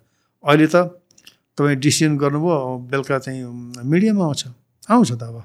तपाईँ आफ्नो तरिकाले काम गर्नु न। अरूको किन केयर गर्नु पऱ्यो तपाईँ राइट गर्नुहोस् पर्फेक्ट गर्नुहोस् टाइममा गर्नुहोस्। तपाईँ आफ्नो प्रयास गर्नुहोस्। त्यो हो। सो यो मेन कुराहरू मैले यसो बुझ्दाखेरि चाहिँ अघि नै पनि लिग्यालिटीको कुराहरू आयो कन्ट्र्याक्टको कुराहरू आयो कन्ट्र्याक्ट ब्रिचिङको कुराहरू आयो अन्डरस्ट्यान्डिङ कुरा आयो। अहिले पनि आएर रुल्सहरूको कुरा आइरहेको छ। सो यो भनेको त हामीहरूको त यो रुल रुल जुन जुन बनाइएको छ र या जुन फन्डामेन्टल हुनुपर्ने हो लिग्यालिटिजहरू त्यो नै स्ट्रिक्ट छैन जस्तो देखियो नि त एउटा हिसाब। त्यो नै कङ्क्रिट छ होइन स्ट्रिक्ट छ। कहीँ कहीँ त चाहिने भन्दा बढी स्ट्रिक्ट छ। सो हलचलै गर्न सक्नु एप्लिकेसनमा चाहिँ ग्राउन्ड लेभलमा आएर अप्लाई गर्दा चाहिँ किन त्यसो त्यस्तो डिस्क्रिपेन्सिस मान्छेहरू अप्ठ्यारो लाग्ने किन त सिचुएसन जे रुल छ त्यो फलो गर्नको लागि किन अप्ठ्यारो? यस्तो अब यो अलिकति केही कुराहरू मैले अघि भने कतिपय कुराहरू इन्स्टिट्युसनका कुराहरू छन् होइन? हामीले अथोरिटी दियौँ होइन? अब त्यो लोकल गभर्मेन्ट भनेर कम्प्लिट अथोरिटी छ नि त। कानुनै बनाउने अधिकार छ। अन पेपर मात्र हो कि साँच्चैको अथोरिटी छ उहाँहरूसँग? छ नि किन नहुने तपाईँको स्थानीय तहले त आफ्नो कानुन बनाउन सक्छ। प्रदेश सरकारले आफ्नो कानुन बनाउन सक्छ। तर खै बनाएको? बनाएका कानुनहरू पनि के हो भने फेडरल कानुनसम्म बाजिए। कानुन बनाउने अनि नियमावली बनाउनुभन्दा अगाडि नै कानुन सम्झाउनु। जस्तो एउटा अहिले एउटा समस्या के भएको छ भने कहिलेकाहीँ धेरै कानुन भयो भने काम बिग्रिन्छ भन्ने कुरा चाहिँ इक्जाम्पल हो। तपाईँ सहकारी। सहकारी फेडरल गभर्मेन्टमा पनि छ सङ्घीय सरकारमा। प्रदेशले पनि सहकारीको कानुन बनाएको छ सङ्घीय कानुन पनि छ प्रदेश कानुन पनि छ स्थानीय तहले पनि सहकारीको कानुन बनाएको छ। अब तिनको डोमेन छुट्टा छुट्टै छ हालाकि। अब प्रदेश लेभलमा र सङ्घ लेभलमा त प्रदेशको दुईवटा प्रदेशलाई जोड्ने दुईवटा जिल्लालाई जोड्ने दुईवटा स्थानीय तहलाई जोड्ने सहकारी हुने बित्तिकै प्रदेशको कानुन बन्यो। त्यो त सङ्घको कानुन पनि भ्यालिड हुन्छ। प्रदेशले यस्तो कानुन बनाइदियो कुनै प्रोभिन्समा त्यो चाहिँ बनाउँदा बनाउँदै अब त्यो नियमली बनाउन नपाउँदै त्यो सङ्घीय कानुनको बर्खिलाप भयो। अब एउटा गाउँका किसानले गाउँका सहकारीमा आबद्ध भएको मान्छेहरूले स्थानीय तहको कानुन स्थानीय सहकारी कानुनअनुसार मुभ गर्नु कि प्रदेशको कानुनमा हुने प्रिभिलेज खोज्दै जानु कि अथवा रेजिस्ट्रेसन भनेर डराउँदै जानु कि अथवा सङ्घीय कानुनले दिएको प्रिभिलेज खोज्दै जानु कि सङ्घीय कानुनले रेस्ट्रिक्ट गरेको कुराहरूसँग डराउँदै हिँड्नु। के के गर्ने? कसले भनिदिने त्यो कुरा? कानुन एउटै हुनुपर्ने होइन। तर हामी तिनवटा बनाएर झन् अलिक कन्फ्युजन गरायौँ कि जस्तो लाग्यो अहिले काहीँ। त्यो पनि अलिक कहिलेकाहीँ धेरै कानुन भयो भने पनि कानुनै नहुँदा पनि गाह्रो हुन्छ। त्यो अलिकति कस्तो हुन्छ भने स्वेच्छाचारिता बढ्छ होइन। तर कानुन बनायो एउटै अलिक स्ट्रिट फरवार्ड एउटै भइदियो भने सही हुन्थ्यो। तर मल्टिपल ल एउटै विषयलाई चाहिँ तिनवटा तहबाट भइदियो भने कहिलेकाहीँ मान्छेहरूलाई कन्फ्युजन हुन्छ। सुविधा कहाँबाट लिने? तिनवटा लेभलबाट जुन मिसम्याच भनौँ न एउटा हिसाबले कन्ट्राडिक्ट गर्ने जुन लहरूको कुरा आयो त्यसमा कोअर्डिनेसन हुँदैन त? त्यसमा कोअर्डिनेसन हुन्छ हुन्छ। त्यो कोअर्डिनेसन हुन्छ पहिले नै बनाएको हुन्छ कि ड्राफ्ट यो अनुसार बन्नु सङ्घीय सङ्घीय कानुन अनुसार बाजिने गरी नबनाउने भन्ने हुन्छ।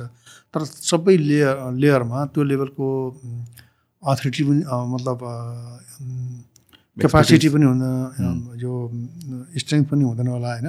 उहाँहरूले आफ्नो लेभलबाट बनाउनु भयो कहीँ चाहिँ आफ्नो मोटिभले बनाइदिन्छन्। अब फेडरल कानुन जुन किसिमको एक्सपर्टिज हुँदै हुँदै बन्छ हालाकि टाइम कन्ज्युमिङ छ प्रदेशमा अलिक क्विक हुन्छ अनि अनि फेरि अलिकति कस्तो हुन्छ भने अनस्टेबल कानुन आइन्छ। सो त्यसको लागि चेक एन्ड ब्यालेन्सेस हुनुपर्ने चेक एन्ड ब्यालेन्स यस्तो छ। अब त्यो चेक एन्ड ब्यालेन्स त अब सङ्घीय कानुनको प्रतिकूल नहुने गरी बनाउनु पर्ने हो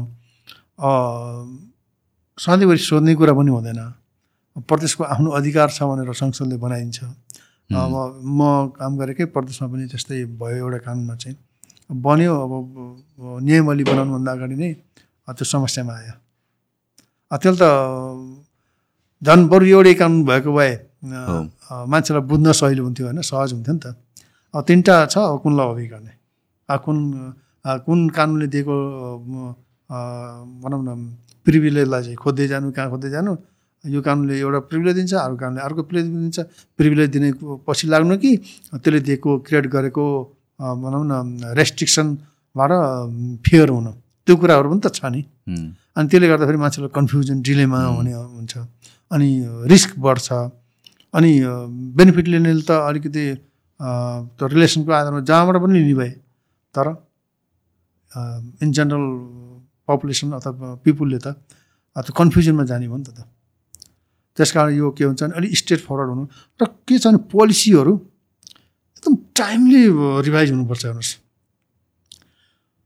कतिपय पोलिसीहरू हुन्छन् जो अलि लङ टर्म स्टेबिलिटी लिने खालको हुन्छ। कतिपय पोलिसीहरू क्विक रिभाइज गर्नुपर्छ। जस्तो अहिले ह्युमन रिसोर्सको केसमा अब हामी नियमित सेवा आएन आठ वर्षसम्म अहिले सङ्घीय बहत्तरदेखि महासंविधान बन्यो।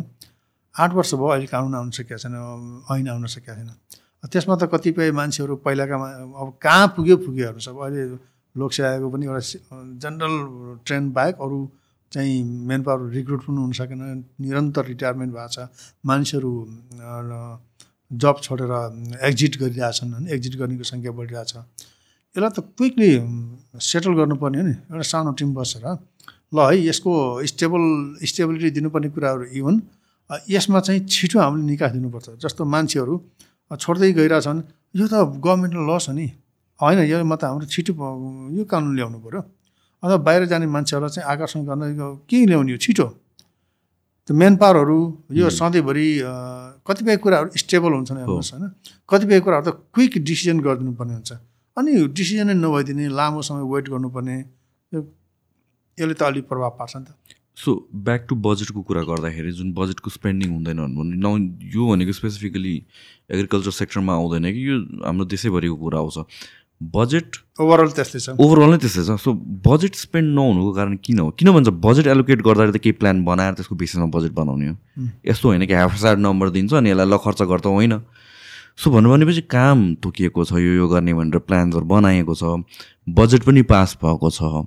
तर हामी हेर्ने हो भने आधा वर्ष सकिसक्या हुन्छ बजेटको दस पन्ध्र पर्सेन्ट पनि सकिया हुँदैन। यो यो यो कारण चाहिँ के हो?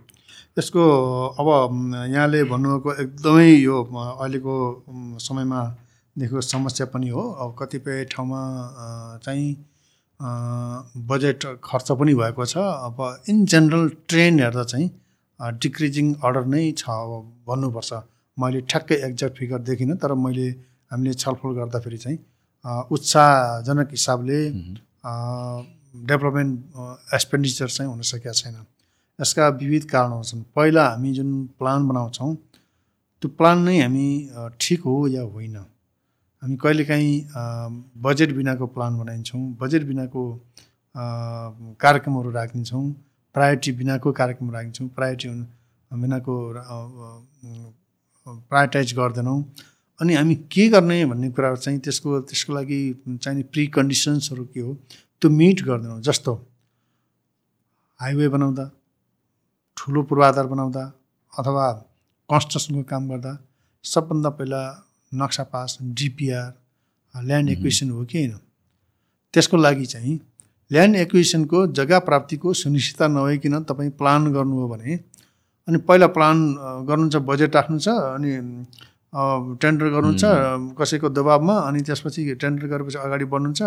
ठिक्क कन्स्ट्रक्सन टाइममा आएपछि न तपाईँको नक्सा पास गरेका छ न तपाईँको त्यो इन्भाइरोमेन्ट आइ गर्नुपर्ने अथवा इआई गर्नुपर्ने कामहरू गरेका छ।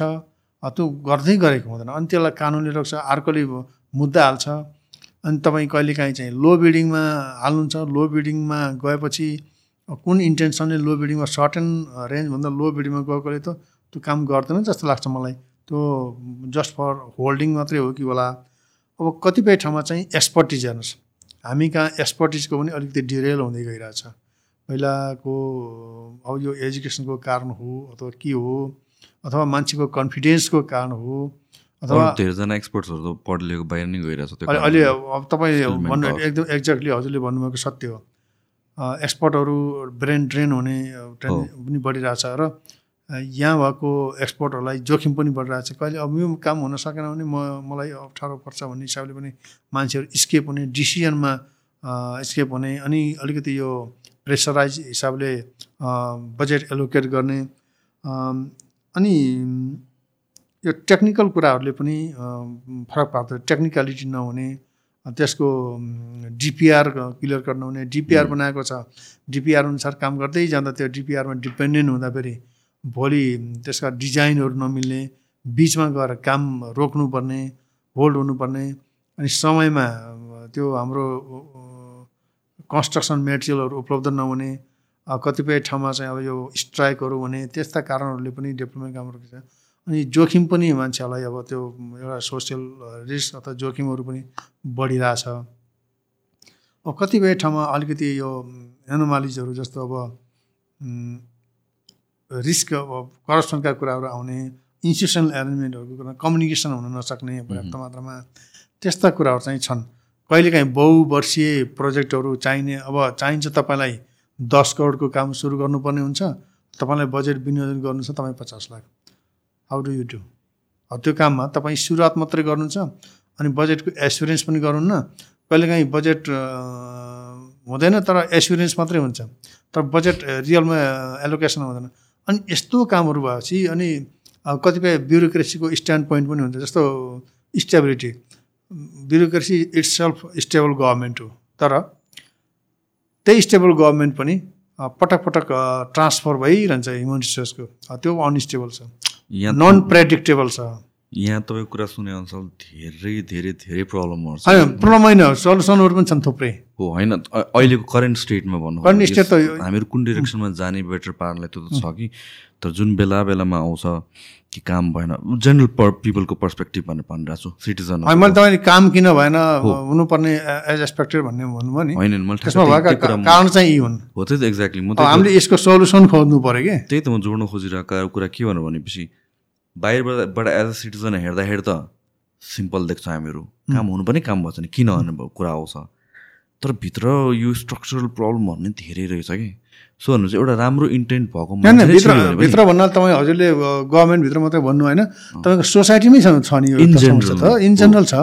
तपाईँ काम गर्नु जानुभयो कहीँ फिल्डमा साइट क्लियर भएको साइडमा पनि काम गर्न जानु भने त्यहीँ लोकल कम्युनिटीबाट अफिसरसँग हुन्छ त्यसलाई के भन्नुहुन्छ? अनि त्यहाँ त्यहाँ चाहिँ त्यो जुन बाधा अडचन हुन्छ अथवा जो स्टेक होल्डर नै होइन त्यो बिचमा आएर त्यसले त्यतिको स्ट्रक्सन गर्छ। त्यसलाई के भन्नुहुन्छ? त्यो त हामीले भोग्यौँ त्यो त काम गर्ने सम्म ठाउँमा त। त्यसको लागि के हो भने कम्युनिकेसन क्लियर हुनु पऱ्यो। बजेटिङ गर्दाखेरि त्यो प्रायोरिटाइज हुनु पऱ्यो। कुन काम गर्ने कुन नगर्ने। यो सम्पन्न हुन सक्छ सक्दैन भनेर एउटा टिमले भन्नु पऱ्यो। एक्सपर्ट इन्जिनियरले यो काम हुनसक्छ यसको एक्सपर्टिज हामीसँग छ यो एक्सपर्टिज हामीसँग छैन भन्ने हो त। त्यसरी ल्याउनु पऱ्यो क्यापासिटी अनुसारको कन्ट्र्याक्ट गर्नु पऱ्यो क्यापासिटी नभएको कन्ट्र्याक्टरले किन कन्ट्र्याक्ट लिनु? अथवा जुन कन्ट्र्याक्टर हुन्छ उसँग क्यापासिटी डेभलप पऱ्यो गभर्मेन्टसँग कम क्यापासिटी हुनु पऱ्यो प्राइभेट सेक्टरसँग हुनसक्छ त्यो क्यापासिटी बस्नु पऱ्यो छलफल गर्नु पऱ्यो अनि टेक्निकल क्यापासिटी इन्क्रिज गर्नु पऱ्यो मेन पावरलाई यो do this this is possible कतिपय केसमा चाहिँ के भने कम्युनिकेसन नै हुँदैन हेर्नुहोस्। कम्युनिकेसन सबभन्दा पावरफुल टुल केही छ? सिट डिस्कस डिसाइड यो त सबभन्दा मोस्ट पावरफुल टुल भनेकै कम्युनिकेसन हो। तपाईँ एज ए ह्युमन चाहिँ इरर चाहिँ हुन्छ है। इरर चाहिँ अब मेरो पनि इरर हुनसक्छ अरूको पनि इरर हुनसक्छ। तर के भने त्यसलाई चाहिँ रिकगनाइज गर्ने हो। मेरो यो इरर हो। म चाहिँ अब यसलाई चाहिँ करेक्ट गरेर जान्छु। यो त हुनु पऱ्यो त यो। यसको चाहिँ त्यति तपाईँ क्लियर हुनुभयो त्यति तपाईँ चाहिँ गभर्मेन्टको साइड अथवा कन्ट्राक्टिङ आइदर साइड सबैमा हो समस्या। मैले एउटा साइड मैले कहीँ पनि भनेको छैन एउटा साइडमा हुँदैन। त्यो सोसाइटीमा पनि हुन्छ त्यो प्राइभेट सेक्टरमा पनि हुन्छ त्यो लोकल गभर्मेन्टमा हुन्छ त्यो गभर्मेन्ट हुनसक्छ त्यो डोनरमा पनि समस्याहरू हुन्छन्। अब हामी डोनरको कुरा गरौँ भने डोनरले पनि अब यो के भन्छ एप्रुभल टाइमली टाइम लगाएर दिएको हुन्छ। उसको पनि प्रिकन्डिसनहरू हुन्छ यो सानो सानो कुराहरूलाई पनि पटक पटक एप्रुभल लिनुपर्ने कुराहरू होला ती त हामीले बसेर फुकाउनु पर्ने कम्युनिकेसन गर्नुपर्ने प्रोजेक्टहरूमा मान्छे ह्युमन रिसोर्सको ट्रान्सफर हुन्छ। अब बाटो अब तपाईँको कुरा गर्नु गभर्मेन्टलाई मात्रै किन गाली हुन्छ? त्यो जग्गा चाहिँ प्राप्ति गर्ने सन्दर्भमा त्यो कुनै हाइवे होस् अथवा कुनै बिजुलीको लागि होस् अथवा कुनै हाइड्रो पार्कको लागि होस् कुनै पर्यटनको लागि होस् जुन जग्गा एप्रुभल दिनुहुन्छ एकपटक अनि फेरि किन डिस्ट्रक्सन त्यो अब्स्ट्रक्सन खडा हुन्छ? त्यो कुरा त छ नि त त्यहाँ।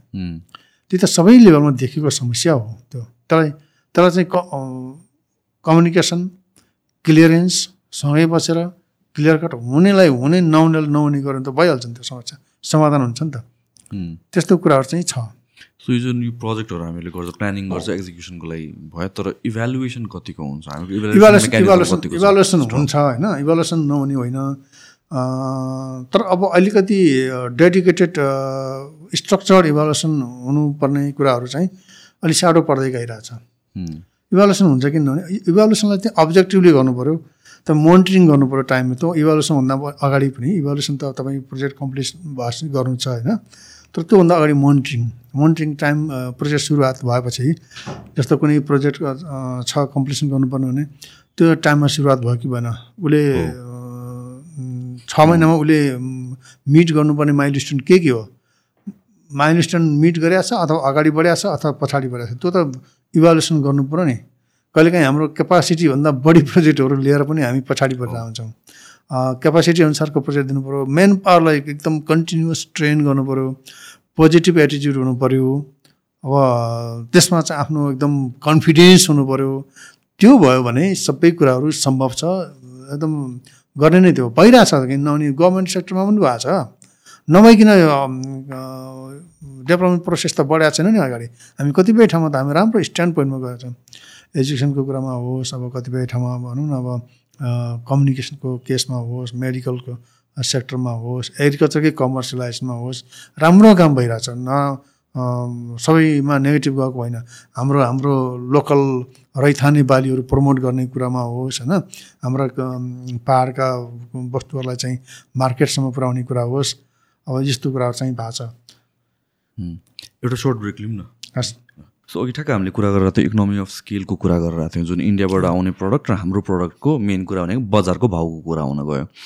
हामीहरूकोमा कस्ट अफ प्रोडक्सन अरू भेरियस फ्याक्टर अरू इकोनोमिक्स अफ स्केलले नै गरेर पनि प्राइस अलिकति महँगो त पर्न जान्छ इन्डियाको भन्दा। अब फ्री मार्केटमा कम्पिट गर्न दिने हो भने मेजोरिटी अफ नेपालीहरूले प्राइस कन्सियस त छ। हुनैपर्छ हामीहरूको इकोनोमीको अनुसारले गरेर। सबैजना प्रिभिलेज छैनौँ भनौँ। सो त्यो कन्टेक्समा हुँदाखेरि त इन्डियाको प्रडक्ट स्टिल मार्केटमा बेसी पेन्ट्रेसन हुने भयो नि त नेपाली प्रडक्टभन्दा त्यसलाई कसरी चेक एन्ड ब्यालेन्स गर्ने? त्यसको लागि केही मेकानिजम्स छ कि केही लहरू राख्न मिल्छ कि कि कसरी डिस्करेज गर्ने त? यस्तो छ अब म इन्डियाको मात्रै रिफरेन्स भन्दैन अब फरेन प्रडक्ट भनौँ न। Globe international product India China होस् अब थर्ड कन्ट्रीको प्रडक्ट होस् अब नेपालमा आउने। अब केही कुराहरू हामी पनि डब्लुटिएको उसमा चाहिँ सिग्नेटरी हौँ। त्यो कुराहरू चाहिँ सबैले ओबी गर्नु पऱ्यो तर त त्यहाँ केही कुराहरू छ डेभलपिङ कन्ट्री अब लिस्ट डेभलप कन्ट्रीहरूलाई दिने अपर्च्युनिटी त्यो अपर्च्युनिटी गेन गर्ने एउटा चाहिँ एक्सर्साइज गभर्मेन्टले अथवा प्राइभेट सेक्टर मिलेर यो गभर्मेन्टले मात्रै गर्ने होइन। प्राइभेट सेक्टर किसान सबै यो सबै कन्सर्न प्रोफेसनलहरू मिलेर एउटा त्यो गर्न सक्ने अवस्था रहन्छ अर्को चाहिँ त्यो प्रिभिलेज लिनुपर्ने कुरा हामीले इन्टरनेसनल एरेनामा लिनुपर्ने सुविधा प्रिभिलेज अर्को चाहिँ के भने अब ट्याक्सिङकै कुरा हो। अब ट्याक्समा चाहिँ अब समस्या के छ भने अब अन्डर इन बिलिङ हुन्छ अथवा अन्डर इन्भाइसिङ हुन्छ त्यो भयो भने अब ट्याक्सिङको अर्को चाहिँ सिजनालिटी हुन्छ हेर्नुहोस् है। हाम्रो सिजनमा नेपालमा उत्पादन हुने सिजनमा बाहिरबाट सामान आयो भने थोरै ट्याक्स बढाइदिनुहोस्। त्यो गर्न पाउँछ हामीले। त पाइन्छ। किन? सिजनल अनि क्वान्टिटीको रेस्ट्रिक्सनको कुराहरू गर्न सकिन्छ। हामीले चाहियो बेलामा गर्न सक्ने कुराहरू हुन्छ। एउटा त्यो भयो। अर्को अब अलिकति बेस्ट उपाय चाहिँ हाम्रो नन टे टेरिफ ब्यारियर नै हो। टेक्निकल ब्यारियर टु ट्रेड भन्छ। त्यसमा अब क्वालिटीको कन्सर्नको कुराहरू हुन्छ होइन? क्वारेन्टाइनको कुराहरू हुन्छ। त्यसपछि त्यो पेस्टिसाइड सेफ कतिको सेफ छ त्यो? पेस्टिसाइड रेजिडु एनालाइसिसका कुराहरू हुन्छन्। क्वालिटी प्रडक्टको कुराहरू हुन्छन्। त्यो कुराहरूमा चाहिँ हामीले हाम्रो पोजिसन हाम्रो लेबोरेटरीहरू स्ट्रेङ्थन गरेर हाम्रो पोजिसन क्लियर गरौँ अथवा हामीले त्यसलाई इम्प्लिमेन्ट गऱ्यौँ भने र हाम्रो चाहिँ कस्तो छ भने थर्ड कन्ट्रीबाट आउँदा फेरि त प्लेनबाटै आउने भयो होइन। त्यो अब चाइनाको नि छ। अब त इन्डियासँग अब हाम्रो मित्र राष्ट्र पनि हो। र कतिपय केसहरूमा चाहिँ इन्फर्मल ट्रेड नै भइरहेको छ कि अब क्रस बोर्डर फ्लो भएको छ। यताबाट पनि गएको छ उताबाट पनि गएको छ। म इट्सेल्फ केही भन्न सक्दिनँ। तर अलिकति यो जुन मात्रामा पर्मिसन लिएर आएको त्योभन्दा बढी आउने बित्तिकै त्यो चेक गरिदिने हो नि त। त्यो त विदाउट इन्भाइसिङ अथवा इन्भ विदाउट पर्मिसन आएको चिजलाई त रोक्न सक्ने भयो नि त। त्यस्ता कुराहरू चाहिँ हामीले तयारी गर्नुपर्ने हुन्छ। हाम्रो आफ्नै सिस्टम पनि अलिकति एक्टिभ बनाउने हो भने त्यो कुराहरूले पनि रोक्न सक्छौँ। र हाम्रो के हो भने हाम्रो क्वालिटी चाहिँ छ। हाम्रो हामीले क्वालिटी र हाम्रो पनि सेल्फ विदिन कन्ट्री चाहिँ उत्पादन भएका वस्तुहरूलाई कुनै सहकारी हाम्रा इस्टाब्लिस भएका सहकारीहरू छन् हाम्रो इस्टाब्लिस भएको गुड एग्रिकल्चर प्र्याक्टिसबाट उत्पादन भएका प्रडक्टहरू छन् तिनको ब्रान्डिङ मार्केटिङ गर्न सक्यौँ भने नेपालीले त नेपाली प्रडक्ट नै खोज्छ त। म आफूले पनि सल्यानको टमाटो होस् अथवा त्यहाँको टमाटो यस्तो हुन्छ अथवा टमाटर यस्तो हुन्छ अथवा पाल्पाको होस् अथवा जुम्लाको कुनै स्याउ होस् मुस्ताङको स्याउ हो भनेपछि त किन म चाइनाको च्याउ स्याउ खाने? म त मुस्ताङकै स्याउ खोज्छु नि। तर हाम्रो मुस्ताङको स्याउ कस्तो पऱ्यो भने हामी हामीमा कन्फिडेन्स पऱ्यो कि नेपालको मुस्ताङमा बनाएको स्याउ अथवा मनाङको स्याउ अथवा जुम्लाको स्याउ अथवा डोल्पाको हुम्लाको त्यो स्याउहरू हाम्रो एकदम सेफ छ हाम्रो फ्री छ पेस्टिसाइड फ्री छ पेस्टिसाइड रेजिडु छैन। त्यो कुराहरू भयो भने त त्यो अटोमेटिक एउटा यो क्लाइन्ट कन्ज्युमर कन्सियसनेस पनि बढ्यो भने त्यो चाहिँ अटोमेटिक कन्ट्रोल हुने कुराहरू हुन्छ। र हाम्रो के छ भने अर्को कुरा हामीले तरकारी फलफुल माछा मासु सबै ठाउँमा बिक्री गर्न दिने होइन कि त्यो? अब त्यो गर्न सकेका छैनौँ। जस्तो कि कस्तो बिक सबै ठाउँमा बिक्री गर्नु दिने होइन जस्तो रेगुलर गरिदिनुहोस् न मासु कहाँ बेच्ने अब एउटा सर्टेन ठाउँ त हुनु पऱ्यो जहाँ पनि बेच्दा छ माटो के अरे हावा धुलो हुने ठाउँमा पनि छ। अलि रेगुलेट गरिदिनु भयो भने त्यो ठाउँमा चाहिँ फल्नु फल्नु ठाउँको यस्तो यस्तो किसिमले आउँछ है भनेर। र त्यसलाई चाहिँ कन्फाइन गर्नु तरकारीको बजारहरू सानो सानो बजारहरू बनाइदिने। अनि सुपामा पनि राखेछ धुलोमा पनि राखेछ घाममा पनि राखेछ ठाउँ बे ठाउँबाट राखेछ अब अर्ग्यानिक प्रडक्ट नै के हो भन्ने कुरा शङ्कास्पद भयो भने त अनि त्यो त झन् धुमिल हुँदै जान्छ नि त। ती कुराहरू चाहिँ बिस्तारै करेक्ट गर्दै जाने ठाउँहरू चाहिँ छन्।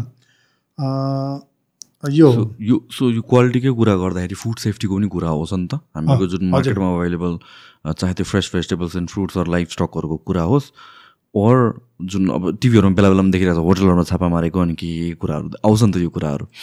त्यो सँगसँगै आउने भनेको यो अगेन पानीको कुरा आउँछ again over and over again बेला बेलामा डिबेट आउने मिनरल वाटर जारको पानी यस्तो कुराहरू। फुड सेफ्टीमा हामी कहाँ छौँ अहिले एट दिस पोइन्ट यस्तो छ। अब फुड सेफ्टीमा हामी फुड सेफ्टी भनेको के भने तपाईँको हामीले कन्जम्सन गर्ने उत्पादन उत्पादन भएको छ त्यो चाहिँ एउटा चाहिँ त्यसमा अनवान्टेड इनट मेटेरियल छैन अथवा अखाद्य वस्तु छैन र अर्को चाहिँ न्युट्रिसियस छ भन्ने कुरा। दुईवटा कुरा चाहिँ यसको मेजर इन्डिकेटर हो। न्युट्रिसियस पनि पऱ्यो तर त्यसमा अनवान्टेड अथवा अखाद्य वस्तु चाहिँ मिसिएको हुनु भएन। फुड सेफ्टीका कन्सर्न कुरा गर्दा फेरि त्यो छ। हाम्रो गाउँघरमा उत्पादन भएका चिजहरू जहाँ गाउँमै उत्पादन हुन्छन् त्यसमा हाम्रो कुनै शङ्का छैन। अनलेस एन्ड अन्टिल कुनै किसानले चाहिँ हेफाजार्ड पेस्टिसाइड युज गर्यो अथवा कुनै प्र्याक्टिस माल प्र्याक्टिस फलो गर्यो भन्ने कुराहरू बाहेक। पाहाडको हाम्रो सबै ठिक छ। तर कमर्सियली उत्पादन गरेको नेपालकै भेजिटेबल होस् अथवा पानी पनि हुनसक्छ कहिलेकाहीँ फ्याक्ट्री सानो सानो बोटलिङ कम्पनीहरूले गरेको पानी अनि जस्तो कि म एउटा सोधिहालेँ यो जुन पानीको कन्टेक्समा छ नि यो लाइसेन्सिङ भन्नु भनेको यो limited some sort of regulation गरेर लिमिटेड बडिजलाई मात्र दिनुपर्ने होइन? यहाँ के छ स्टेट? होइन त्यही पाउँछ होइन पाउँदैन पाउँदैन। किन कसरी कन्टामिनेट भइरहेछ त्यस्तो पानीको होइन यस्तो छ। यो यस्तो छ। त्यो उहाँहरूको त्यो के अरे टेक्नोलोजी लेभल के छ कस्तो छ भने लट हुन्छ कि यो? तपाईँ सर्ट एन्ड लटमा चाहिँ राम्रो छ? अनि अर्को लटमा चाहिँ अब त्यो कतिको ट्रेन गर्नुपर्छ त्यो मान्छेहरूलाई? त्यो धेरै ठाउँमा आउँछ। फर्टिलाइजर प्लान्टमा पनि त्यस्तै आउँछ। तपाईँको दुधहरूमा पनि कहिलेकाहीँ राम्रो लोटमा आउँछ। कहिले चाहिँ अब बिग्रेको उसमा आउँछ। त्यो प्र्याक्टिस कस्तो छ त्यो पानीको पनि कहिलेकाहीँ राम्रो प्र्याक्टिस गर्दै हुन्छ। कहिलेकाहीँ चाहिँ अब बर्खाको एडल्टेड पानी पनि मिसिया हुन्छ होला। अथवा कुनै अलिकति नेग्लिजेन्सी गर्छ त्यो पानीमा समस्या आउँछ नत्र त त्यो त लाइसेन्स लिने बेला त क्वालिटी टेस्ट भएरै लिएको हुन्छ नि। सो स्ट्यान्डर्डाइजेसनको प्रब्लम स्ट्यान्डर्डाइजेसन प्रब्लम हो र त्यसको कन्टिन्युटीको प्रब्लम हो सो त्यसको लागि चाहिँ पेनलाइज गर्ने के सिस्टम छ त्यो छ त्यो त्यो सिस्टम छ। त्यो अब पेनलाइज गर्ने सिस्टम अब अलिकति त्यो स्ट्यान्डर्डभन्दा बिलो भयो। त्यसको नर्म्स भायोलेट गऱ्यो भने केस फाइल नै हुने सिस्टम पनि छ। त्यो डिएफटिक्युसीले गर्छ हाम्रो। खाद्य प्रविधि गुण नियन्त्रण विभागले। अब यसमा म अलिकति फुड सेफ्टीको कुरा गर्दाखेरि अब पाहाडमा हिमालमा भएकोहरूमा हाम्रो केही छैन समस्या। फुड सेफ्टीको हिसाबले हाम्रा प्रडक्टहरू राम्रा छन् एकदम स्ट्यान्डर्ड छन्। तर जब कमर्सियल फार्मिङमा आएको छ तरकारीको केसमा पेस्टिसाइड केही पेस्टिसाइडहरू ब्यान पनि गरेको रेस्ट्रिक्ट पनि गरेका छौँ होइन। तर बोर्डरमा चाहिँ आउँदा पेस्टिसाइडहरू हाम्रो ओपन बोर्डर छ कतिपय ठाउँमा पेस्टिसाइडहरू किसानहरूलाई थाहा हुँदैन। आफ्नो किसिमले प्रयोग गर्नु छ अहिले फार्मर्स फिल्ड स्कुलहरू जुन छ अलिकति कम भएर पनि गयो। पहिला चाहिँ किसानहरूले हामीले एकपटक चाहिँ हाम्रो फार्मर्स फिल्ड स्कुल जुन एफएओकोबाट कुनै टेक्निकल सपोर्ट पनि सञ्चालन भएको थियो कृषि मन्त्रालयको एउटा एकदम पावरफुल टुल थियो किसानहरूलाई एजुकेट गर्ने। किसानहरूले चाहिँ एग्रोबेटलाई भन्नुहुन्थ्यो यो पेस्टिसाइड ल्याउने होइन तपाईँले भनेर। ओके। त्यस्तो लेभलमा पुगेको थियो कि यो एजुकेसन। अहिले चाहिँ अलिकति अलिकति धुमिल भयो जस्तो लाग्छ। त्यो कारण समग्र सिस्टमको कुरा गर्दैछु म। त्यस्तो केसमा चाहिँ किसानलाई चाहिँ थाहा थियो। किसानलाई सबै हामी सिकाउँथ्यौँ। यो पेस्टिसाइड युज गर्नुहुन्छ यो कि यो किरा चाहिँ हाम्रो मित्र किरा हो यो शत्रु किरा हो। यो शत्रु किरा देखिँदैमा हामी आत्तिनु हुँदैन।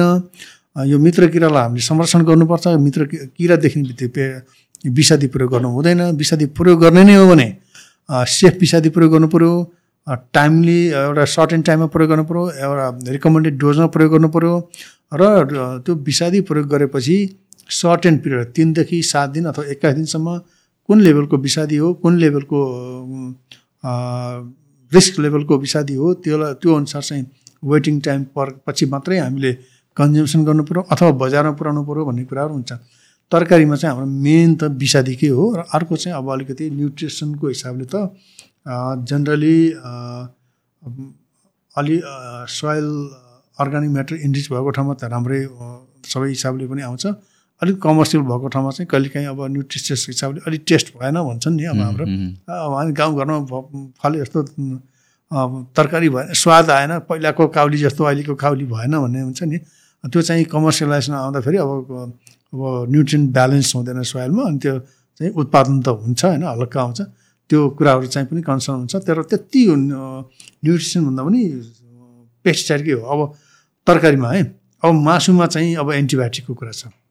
मासुमा जुन ब्रो ब्रोइलर कुखुरा हुन्छ एन्टिबायोटिकको इस्युहरू चाहिँ छ। पहिला चाहिँ अलिकति अलिकति एलार्मिङ रूपमा बढाएको थियो। अहिले सर्टेन एन्टिबायोटिकहरूलाई रेजिस्ट्रेसन गरेपछि र पोल्ट्री इन्डस्ट्रीलाई पनि कम्युनिकेसन गरेपछि त्यसमा एउटा सुधार चाहिँ आएको छ भनिन्छ। अब अझै पनि हामीले हेर्नुपर्ने छ त्यसको अनि माथिल्लो धेरै स्याम्पलहरूमा चाहिँ यो एम एन्टी यो एएमआर भन्छ एन्टी माइक्रोबियल रेजिड्यु त्यो लेभल बढ्दै गइरहेछ। अर्को चाहिँ अब तेलहरूमा भयो अब मिक्सआउट हुने अब यो आर्जिमुनी मेक्सिकाना मिक्सअप हुने अखाद्य चिजहरू मिक्स हुने कुनै सिडहरू मिक्स गरेर आउने भन्ने तेलको कुरा छ। खास गरिकन हामीले अलिकति फोकस गर्नुपर्ने आम दिनदिनै भान्सामा पुग्नुपर्ने वस्तुहरू दुध पानी तेल तरकारी र मासु। यो लेभलमा अलिकति हामीले मैले भन्दाखेरि पनि त्यही भन्छु। मैले डिएफटी हामीले म सधैँ म म जब म एउटा प्रोजेक्टमा काम गरेँ र यसको लेभल अफ जुन जुन अहिले भनौँ न फुड सेफ्टीको इस्युले अलिक च्यालेन्जिङ भएका कुराहरूमा चाहिँ हाम्रो अलिकति रिस्क लेभलमा आयो नि। त्यसलाई चाहिँ हामीले तुरुन्तै कन्ट्रोल गर्ने हिसाबले केही पोलिसी इन्स्ट्रुमेन्टहरू पनि गऱ्यौँ। त्यो भएपछि मैले पाँचवटा विषयहरूमा चाहिँ अलिक फोकस गर्नुहोस् है अनुगमनमा भनेको छौँ हामी। किनभने यो दिनदिनै भान्सामा प्रवेश गर्छ हरेक पटक खानुपर्छ डेली खानुपर्छ। मासु तपाईँले डेली खानु नहोला तरकारी त डेली खानुहुन्छ। तेल त दिनदिनै प्रयोग गर्नुपर्छ। दुध डेली खानुहुन्छ कसैले खानुहुन्छ होला तर डेली प्रवेश गर्ने चिजहरू यी चाहिँ। चामलमा त्यति धेरै सिन्सियर हुनुपर्ने छैन अहिले। किन त्यो लेभल अफ जब हार्भेस्टिङ गरेपछि अब भनौँ न त्यसको एक जान्छ त्यसपछि हामी त्यो अलिक सेफ नै हुन्छ रिलेटिभली हालाकि टेस्टको कुराहरू चाहिँ आफ्नो ठाउँमा छ। हामीले जब तरकारीमा यस्तो देखियो इस्युहरू यो कालीमाटीमा सुरुवात भएको हो बिएफएको सहयोगमा। यो आरबिपीहरू ऱ्यापिड बायोएसए रेजिडु एनालाइसिस भनेर यो द्रुत विषादी परीक्षण प्रयोगशाला। हामी डेली हाम्रो त्यहाँ स्याम्पल टेस्ट हुन्छ अहिले पनि बिहान। जुन तरकारीहरू आउँछ हामी स्याम्पलको रूपमा गर्छौँ। हरेक स्याम्पलमा गर्दैनौँ हामी। स्याम्पलको रूपमा त्यहाँ टेस्ट गरिन्छ। र कहिलेकाहीँ जस्तो अलिकति बढी पेस्टिसाइड रेजिडु भएको भन्टा काउली गोलभेडा भन्टा काउली गोलभेडा त्यसपछि केही लिफी भेजिटेबलहरू छ। अनि यो सिमी। यसमा चाहिँ केही देखिएको छ। तर पहिला सुरुमा जति जुन लेभलमा स्याम्पल पर्सेन्ट तेह्र बाह्र तेह्र पर्सेन्टमा थियो अहिले चाहिँ घटेर डेढ दुई पर्सेन्टमा हुन्छ। कहिलेकाहीँ लेस देन वान पर्सेन्टमा आउँछ। कहिले एकदम कमै भएको छ अहिले। अनि हामी कम्युनिकेसन गर्छौँ। त्यहाँबाट हाम्रो डिपार्टमेन्ट छ सेन्ट्रल एग्रिकल्चर ल्याबोरेटरी त्यसले चाहिँ यो चाहिँ फेरि काठमाडौँमा मात्रै छैन। भित्तामोडमा छ। यो लालबन्दीमा छ पोखरामा छ भुटोलमा छ धनगढीमा छ नेपालगञ्जमा छ यो ठाउँ ठाउँमा हामीले राखेका छौँ। र अरू ठाउँमा पनि प्रदेश सरकारहरूले पनि आफ्नै किसिमले अहिले यो द्रुत विषादी परीक्षण गरेर क्विक टेस्टिङ हुन्छ। त्यसमा केही कैफियत देखियो भने अब हामीले बोर्डरमा पनि हामी टेस्ट गर्ने भने कम्पलसरी गरेका छौँ। हालाकि यसको डिटेल हाम्रो फेरि तोकिएको विषादीको लागि मात्रै हो। फेरि थर्ड विषादी अथवा अरू विषादी प्रयोग गरिदियो भने त्यसको फेरि टेस्ट हुँदैन। त्यसको चाहिँ हामी एक्सपिरियन्स गर्दैनौँ। अहिलेको केसमा चाहिँ क्लोरिपारिफस र कार्बोमेट्स अर्ग्यानिक कार्बोमेट्स कार्बोमेट्स समूहको चाहिँ गरिन्छ। त्यो जुन चाहिँ अलिकति घातक स्वास्थ्यको हिसाबले पनि घातक हुन्। त्यो चाहिँ हामी गरिरहेछौँ अब मासुमा चाहिँ पशु विभागले गर्ने गरेको छ। त्यो अलिकति लेस इन्टरभलमा हुन्छ। त्यो चाहिँ त्यति क्विक इन्टरभलमा गर्नु परेन त्यो खास गरिकन पोल्ट्रीको केसमा हो त्यो। त्यसमा चाहिँ एन्टी यो बायोटिकको केसमा चाहिँ हुन्छ। क्लोरोमफेनिकल सर्टन कम्पाउन्डहरू मलाई त्यति धेरै त्यो एन्टिबायोटिकहरूको उयसमा हो। त्यसरी हामी टेस्ट गर्छौँ र त्यसको स्टडी छ। अब हामीले यसलाई अवेरनेस बनाउँदै बोर्डरमा पनि ल्याबहरू स्ट्रेङ्थन गर्दै भने र हाम्रो ल्याबरको क्यापासिटी इन्हान्समेन्ट गर्ने पोलिसी चाहिँ छ। हाम्रो प्रदेश सरकारहरूलाई स्थानीय तहहरूलाई पनि योमा फोकस गर्नुहोस् भनेका छौँ। र हामी त्यो देखेको जस्तो एउटा गलबेडा अथवा बन्दा के अरे यो भन्टामा आयो भने त्यो कहाँबाट आएको भने त्यहाँ ट्रेस हुन्छ त्यो फेरि त्यो स्याम्पल चाहिँ। कहिलेकाहीँ आएको हुन्छ सर्लाईबाट आउला अथवा बाह्रबाट आएको हुन्छ अथवा धादिङबाट आएको हुन्छ। त्यो ठाउँको बायर अथवा मार्फत किसानहरूलाई इन्फर्म दिन्छ। तिम्रोमा चाहिँ स्याम्पलमा के बी अवेर नेक्स्ट टाइम यही भयो भने अब तिम्रो स्याम्पल चाहिँ जफत हुन्छ भनेर। त्यस्ता कुराहरू चाहिँ हामीले गर्दैछौँ। अहिले चाहिँ घटिरहेछ। र यो के भने अवेरनेस पनि हो। किसानलाई कन्टिन्युस एग्रिकल्चर भने त कस्तो भनेको कन्टिन्युस अवेरनेस गराउने कन्टिन्युस इफोर्ट गर्ने र समस्या चाहिँ एभ्री टाइम आउने। तर काम चाहिँ लगातार गर्नुपर्ने। तपाईँ रोड बनाउनु हो भने के हुन्छ एकपल्ट बनाएको रोड चाहिँ अब पचासौँ वर्ष हुन्छ नि त। अब क्वा क्वालिटी कस्तो बनाउनु त्यो छुट्टै कुरा एसेस गर्ने कुरा हो। तर एग्रिकल्चर एक वर्ष गरेर हुँदैन एक सिजन गरेर हुँदैन दुई वर्ष गरेर हुँदैन पाँच वर्ष गरेर कन्टिन्युस चिज हो। फेरि एग्रिकल्चर कस्तो छ भने हाम्रो निरन्तर हामी नेचुरल रिसोर्सको कुरा एक्सट्राक्ट गरिरहन्छौँ सोयल कृषि के अरे खेतमा बिउ फालेर मात्रै भएन जोतेर मात्रै भएन। सोयललाई पनि त्यत्तिकै इन्क्रिज गर्नुपर्छ। सोयललाई पनि धनी बनाउनु पऱ्यो त्यहाँ भएको अर्ग्यानिक म्याटर कन्टेन्टको हिसाबले त्यहाँ भएको पप के अरे बायोटिक फ्याक्टरहरूको पपुलेसन गणौला लगायत माइक्रोब्सहरूको पपुलेसन मेन्टेन भएको हुनु पऱ्यो त्यहाँ पिसा पेस्टिसाइड निरन्तर पेस्टिसाइड युज हो भने सोयल पनि कमजोर हुँदै जान्छ त्यसपछि सोयलमा हुनुपर्ने कुराहरू चाहिँ न्युट्रिन्ट हुँदैन लुज भएर जान्छ। त्यो कुराहरू धेरै कुरा छ। यो त नेचुरल रिसोर्स म्यानेजमेन्ट हो। यसको सोयलको अब तराईको केसमा भन्नुहुन्छ भने soil ground water level deplete भइरहेछ तल गइरहेछ। त्यो इन्डियाको का मा अलिकति मासिक रूपमा अन्डरग्राउन्ड वाटर हार्भेस्टिङ भएको कारणले गर्दा हाम्रोमा पनि त्यो चुरे रेन्जबाट उता जान्छ त्यसले गर्दा फरक परेको छ त्यस्ता कुराहरू चाहिँ छन्। यो चाहिँ त्यस कारण agriculture development not a time for one year two year भन्दैमा होइन यो लङ टर्म यसको सस्टेनेबल पनि बनाउनुपर्छ यस्ता कुराहरू। सो अर्को कुरा भनेको अगेन यही कुरा गर्दाखेरि फर्टिलाइजरहरूको कुरा आयो नि त। हजुर। फर्टिलाइजरको प्रब्लम एभ्री इयर जस्तो सुन्छौँ हामीहरू टाइममा आएन या पाएन या भन्छ केही न केही इस्युजहरू आइरहन्छ। त्यसको होल प्रब्लम के छ? यस्तो छ हजुर। यो फर्टिलाइजर चाहिँ अब कम्प्लेक्स चिज भएको छ नेपालको लागि होइन? नेपालमा डिमान्डको हिसाबले हेर्नु हो भने अब पहिलो म डिमान्डकै कुराबाट गर्छु। जेनरली डिमान्ड गर्दाखेरि दस लाख मेट्रिक टनभन्दा बढी आएको देखिन्छ। प्रदेशहरूको हिसाब गर्दा पा सात लाखको एराउन्डमा देखिन्छ। तर हाम्रो इफेक्टिभ डिमान्ड भनेको पाँच लाख मेट्रिक टन एराउन्ड हो। पाँच नेसनल्ली नै। नेसनल्ली। तर अब कस्तो छ भने तपाईँ सप्लाई गर्न सक्नु भने त्यसको डिमान्ड चाहिँ अझै क्रिएट हुन्छ।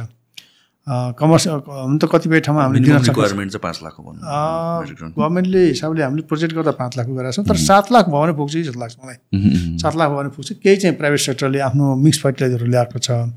हामीले चाहिँ अब यो चाहिँ देशमा एकजना पनि उत्पादन हुँदैन। त मिक्स्ड फर्टिलाइजर बाहेक त्यो पहिला थियो चार पाँचवटा फ्याक्ट्रीहरू ती पनि बन्द भएन। सो इकोनोमिकली यहीँ उत्पादन गर्नु does it make sense economic point पर्सपेक्टिभबाट यस्तो छ। अब यो इकोनोमिक सेन्सको डिटेल एनालाइसिस चाहिँ मैले पनि गरेको छु तर त्यसको केही प्रिकन्डिसनहरू छ। हामीले प्रयोग गर्ने फर्टिलाइजरहरूमध्ये सिक्सटी फाइभ पर्सेन्ट युरिया छ। थर्टी पर्सेन्ट एराउन्ड चाहिँ डिएपी अरू अदर फर्टिलाइजर र पाँच छ पर्सेन्ट चाहिँ पोटास हो मिरोटा पोटास हो। अब हामी कन्सर्न भनेको किसानहरूको कन्सर्न भनेको युरिया र डिपी हो। माइक्रोन्युट्रियन पनि हुन्छ। केही माइक्रोन्युट्रियनहरू पनि अहिले तरकारीहरूमा फलफुलहरूमा चाहिँ प्रयोग गर्छ। हर्मोनहरू पनि हुन्छ। त्यो युरियाको उत्पादन चाहिँ हामी कहाँ छैन। युरिया र डिपीको चाहिँ जिरो नै हो। अब यसको उत्पादन चाहिँ नहुने। यो अलिकति एग्रिकल्चर भन्दा पनि इनपुटको कमोडिटी भन्दा पनि अलिक पोलिटिकल कमोडिटी पनि भएको छ। यो ग्लोबल्ली पनि यो फर्टिलाइजरको मार्केट चाहिँ एकदमै अप एन्ड डाउन हुने गरेको छ। यो पछिल्लो समयमा त पछिल्लो तिन वर्षमा त यसले तिन वर्ष अगाडि चाहिँ लगभग दुई सय नब्बे डलर पर मेट्रिक टन भएको प्राइस बाह्र सय मेट्रिक टन प्लस हुनेसम्म भयो। त्यस कारणले गर्दा यहाँ कन्ट्याक्ट गरेका पार्टीहरूले पनि सुरुमा तिन सय चार सय डलरमा कन्ट्याक्ट गरे तर पछि उनीहरूको प्रोक्योरमेन्ट प्रोसेस पनि हाम्रो लङ छ नि त छ महिनाको डेलिभरी टाइम छ अलमोस्ट छ महिनाको स्प्यान छ छ सात महिनाको। दुई सय छब्बिस दिनको कन्ट्याक्ट गरे नोटिस निकालेदेखि फर्टिलाइजर नेपालमा इन हुने बेलासम्मको दुई सय छब्बिस पच्चिस छब्बिस दिनको साइकल छ। दुई सय पच्चिस छब्बिस दिन। दिनको। तपाईँ सात महिना आठ महिना अगाडि तपाईँ फर्टिलाइजरको प्रोक्योरमेन्ट सुरु गर्नु भएन भने हामी सिजनमा सुरु भएर नब्बे दिनमा फर्टिलाइजर ल्याउन सक्नुहुन्न तपाईँ। पैसा भए पनि सक्नुहुन्न। प्रब्लम भएको त्यही हो। त्यो त हाम्रो प्रोक्योरमेन्टको टाइम हो नि त बाइक गर्ने टाइम। नोटिस हुन्छ पैँतिस पैँतालिसको नोटिस फेरि एकाइस दिन भएन भने फेरि एकाइस दिन फेरि अर्को पैँतालिस दिन यस्ता यस्ता छन्। अब सुरुमै भयो भने दुई सय छब्बिस दिनमा इन हुन्छ। त्यो लामो प्रोसेस छ। अब एकैचोटि चाहिँ तपाईँ म फर्टिलाइजर ल्याउने भनेर हुँदैन। तपाईँ कलकत्तामा आएको फर्टिलाइजर पनि एकैचोटि ल्याउनु सक्नुहुन्न तपाईँ। एक एक ऱ्याकमा चाहिँ तपाईँ पच्चिस एक रे रेलको वान टाइम रेलमा चाहिँ एक ऱ्याक दिन्छ। एक ऱ्याकमा भने पच्चिस सय टन मात्रै हुन्छ। तपाईँको त्यो पाँच लाख मेट्रिक टन ल्याउनु पऱ्यो भने त कति हुन्छ? डिभाइड बाई पच्चिस सय गर्नु त दुई सय रेक हुने भयो। भनेपछि एभ्री थ्री डेमा टु डेज चाहिँ फर्टिलाइजर एउटा रेक आउनु पऱ्यो हुन्छ? हुँदैन नि? त्यो त्यो भएर हामीलाई कहिलेकाहीँ आइसक्यो मल पनि बाटोमा बसिरहने त्यस्तो कारण चाहिँ हुन्छ। यो सुरुमै सुरुवात गर्नुपर्छ अब हाम्रोमा चाहिँ फर्टिलाइजरको कुरा गर्दाखेरि युरियाको बेसिक कुरा। युरियाको दुईवटा टेक्नोलोजी छ अब प्रडक्सन गर्ने। एउटा नेचुरल बेस बेस हो होइन। नेचुरल बेसमा चाहिँ अब मलाई धेरै नलेज त छैन तर अब के जति सेयरिङ भयो नेचुरल बेसको चाहिँ पेट्रोलियम पदार्थ नै हुन्छ। त्यसको चाहिँ अब कार्बन चाहिँदैन अर्को। त्यसको चाहिँ अब हामी कहाँ पेट्रोलियम पदार्थ पनि छैन कि र मेटेरियल युरिया प्रडक्सन गर्ने र मेटेरियलहरूमा पेट्रोल नेचुरल ग्यास चाहियो। त्यो पनि छैन हामीसँग। अब तपाईँ चाहिँ त्यसको लागि के गर्नुपर्छ भने अब एक दुई वर्षको एस्युरेन्स गरेर हुँदैन पाँच वर्ष दस वर्षको गरेर हुँदैन एटलिस्ट ट्वेन्टी फाइभ इयर्सको एस्युरेन्स नभइकन नेचुरल ग्यासको एस्युरेन्स नभइकन फर्टिलाइजर प्लान्टको युरिया बेस प्लान्ट बनाउने कुरा भएन। है? पहिलो कुरा raw material first second dedicated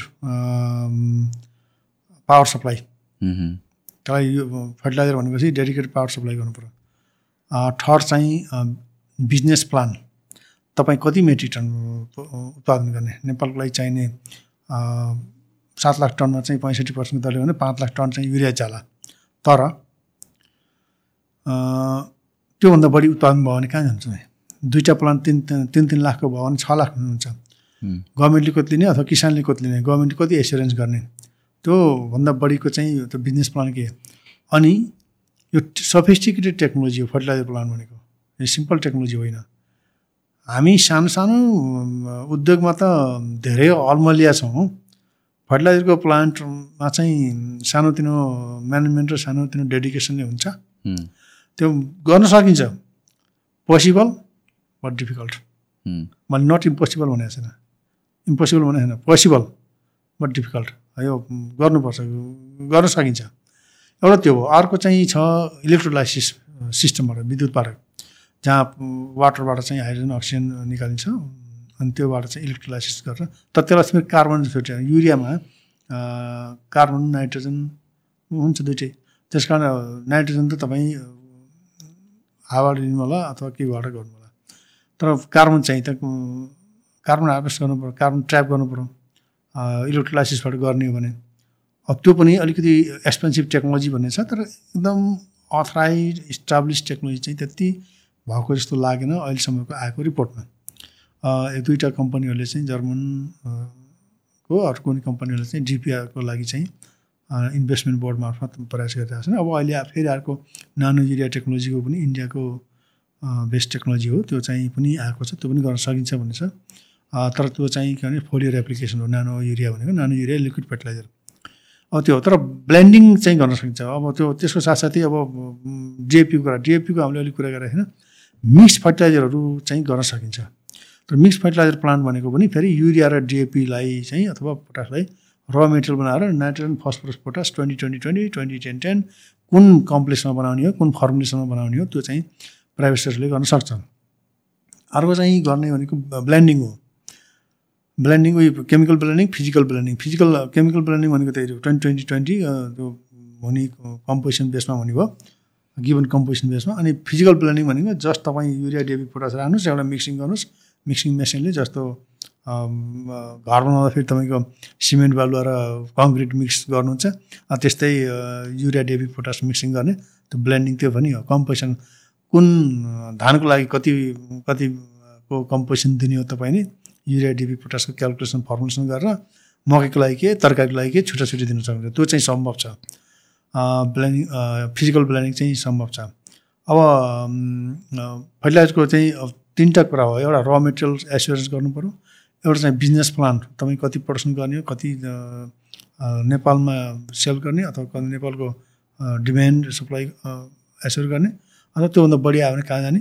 त्यसमा चाहिँ म्यानेजमेन्टकै कुरा हो र यो र मेटेरियलको इन्क्लुडिङ इलेक्ट्रिक सिटी सप्लाई र अर्को त सबभन्दा च्यालेन्जिङ कुरा चाहिँ मैले अब अहिलेको कन्टेस्टमा पछि हुन्छ।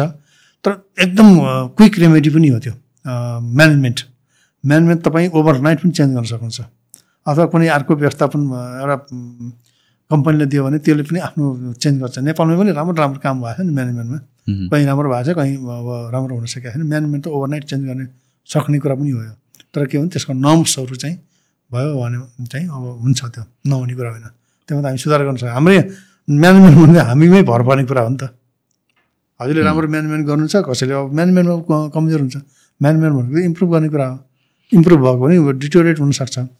त्यो कुरा फर्टिलाइजरको चाहिँ अब अलिकति के छ भने हाम्रो सो जस्तो कि फर्टिलाइजरकै म सोध्छु। फर्टिलाइजरकै हामीले तपाईँ अहिले यहाँ नै प्लान्ट बनाउने पर्सपेक्टिभमा डिस्कस गऱ्यो अक्वायर गर्नु चाहिँ पोसिबल छैन अन टाइम एन्ड एभ्रिथिङ? बाहिरबाटै इम्पोर्ट गरेर चलाइराख्नको लागि यस्तो छ बाहिरबाट गर्नलाई अब कतिपय पोलिसीहरू कस्तो छ भने हामीले फोरकास्ट गर्नुपर्छ। लगभग साठी पर्सेन्ट चाहिँ वैशाखदेखि भदौसम्म खपत हुन्छ। फर्टिलाइजर। मेन सिजन चाहिँ यो समर र रेनी सिजन हो। त्यसपछि सिजन क्रस भने के बिग्रिन्छ? किन त फर्टिलाइजर त टाइममै आउनु पऱ्यो नि। तपाईँलाई अब अहिले प्लान्टिङको टाइममा चाहिँ डिएपी भएन भने त्यो धान रोपेपछि डिएपी ल्याएको अर्थ के हुन्छ? होइन अगाडि नै ल्याइराख्यो भने नि त। अगाडि ल्याए पनि हुन्छ तर त कस्तो भने तपाईँको कति स्टोरेज छ हामी ल्याउँछौँ अगाडि पनि। हामीले अगाडि सात महिना अगाडि त प्लान गरेर हुन्छौँ जस्ट सिजनभन्दा अलि अगाडि आउँछ एक डेढ महिना दुई महिना अगाडि ढाई महिना अगाडि आएको हुन्छ कहिलेकाहीँ कहिलेकाहीँ ल्याउनै सक नसक्ने स्थिति पनि हुन्छ। तर यसमा सरकारको मात्रै ऊ छैन जिम्मेवार छैन। यसमा कन्ट्र्याक्टिङ गर्ने पार्टीले जुन अहिले चार सयमा कन्ट्र्याक्ट गर्यो। ल्याउँदा ल्याउँदै उनीहरूको छ सय डलर भयो। कति करोडको कन्ट्र्याक्ट हुन्छ। बरु उसले धरोटी छोडेर जान्छ अनि इन्टरनेसनलमा चाहिँ प्राइस बढिरहेको हुन्छ। त्यो बेला चाहिँ ल्याउनु सक्छ विगतका त्यो टेन्डरहरू फेल हुने कारण चाहिँ त्यही हो। बेसिकल्ली पहिला कन्ट्र्याक्ट गरेको रेटभन्दा अनि प्राइस बढ्यो त्यही पनि इन्टरनेसनल कम्पनी भयो भने सप्लाई गर्ने गरेको थियो गुडविलको कारणले गर्दा। पछिल्लो कारण खण्डमा के भयो भने इन्टरनेसनल कम्पनीहरूलाई चाहिँ आई थिङ्क पाँच पर्सेन्ट इम्पोज गर्यो पहिला चाहिँ ट्याक्स एउटै थियो। डोमेस्टिकलाई अहिले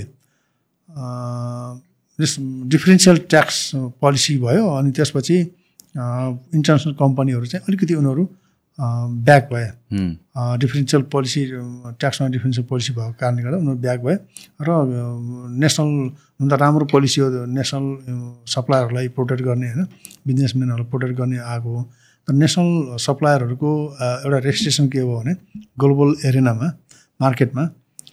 अब तपाईँ इन्टरनेसनल सप्लायर भएको भए तपाईँ बङ्गलादेशमा ल्याएको मल चाहिँ नेपाल डाइभर्ट गर्न सक्थ्यो। नेपालमा भएको मलको लागि चार्ज गरेको चाहिँ अर्को श्रीलङ्का डाइभर्ट गर्न सक्थ्यो होला।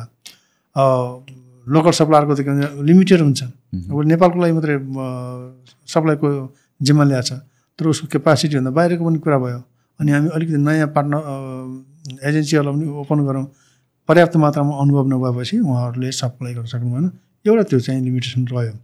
डिफ्रेन्सियल ट्रिटमेन्ट अनि अर्को कुरा के छ भने कलकत्तामा आएको मलहरू टाइमले हामीले फेरि पुनः पर्मिसन लिनु पर्ने विशाखापट्टनममा आयो भने पुनः एप्रुभल लिनुपर्छ डिपार्टमेन्ट अफ फर्टिलाइजरको इन्डिया गभर्मेन्टको डिपार्टमेन्ट अफ फर्टिलाइजरबाट त्यसमा पनि केही सर्टेन टाइम चाहिँ कन्ज्युम हुन्छ। कहिलेकाहीँ दुई महिनासम्म टाइम कन्ज्युम भएको रेकर्ड छ। रि एप्रुभल पर्मिसन लिनुपर्ने कि त्यहाँबाट? अनि ऱ्याकहरू टाइममा आउँदैन। अब नेपाल र भारतको सिजन एउटै हो।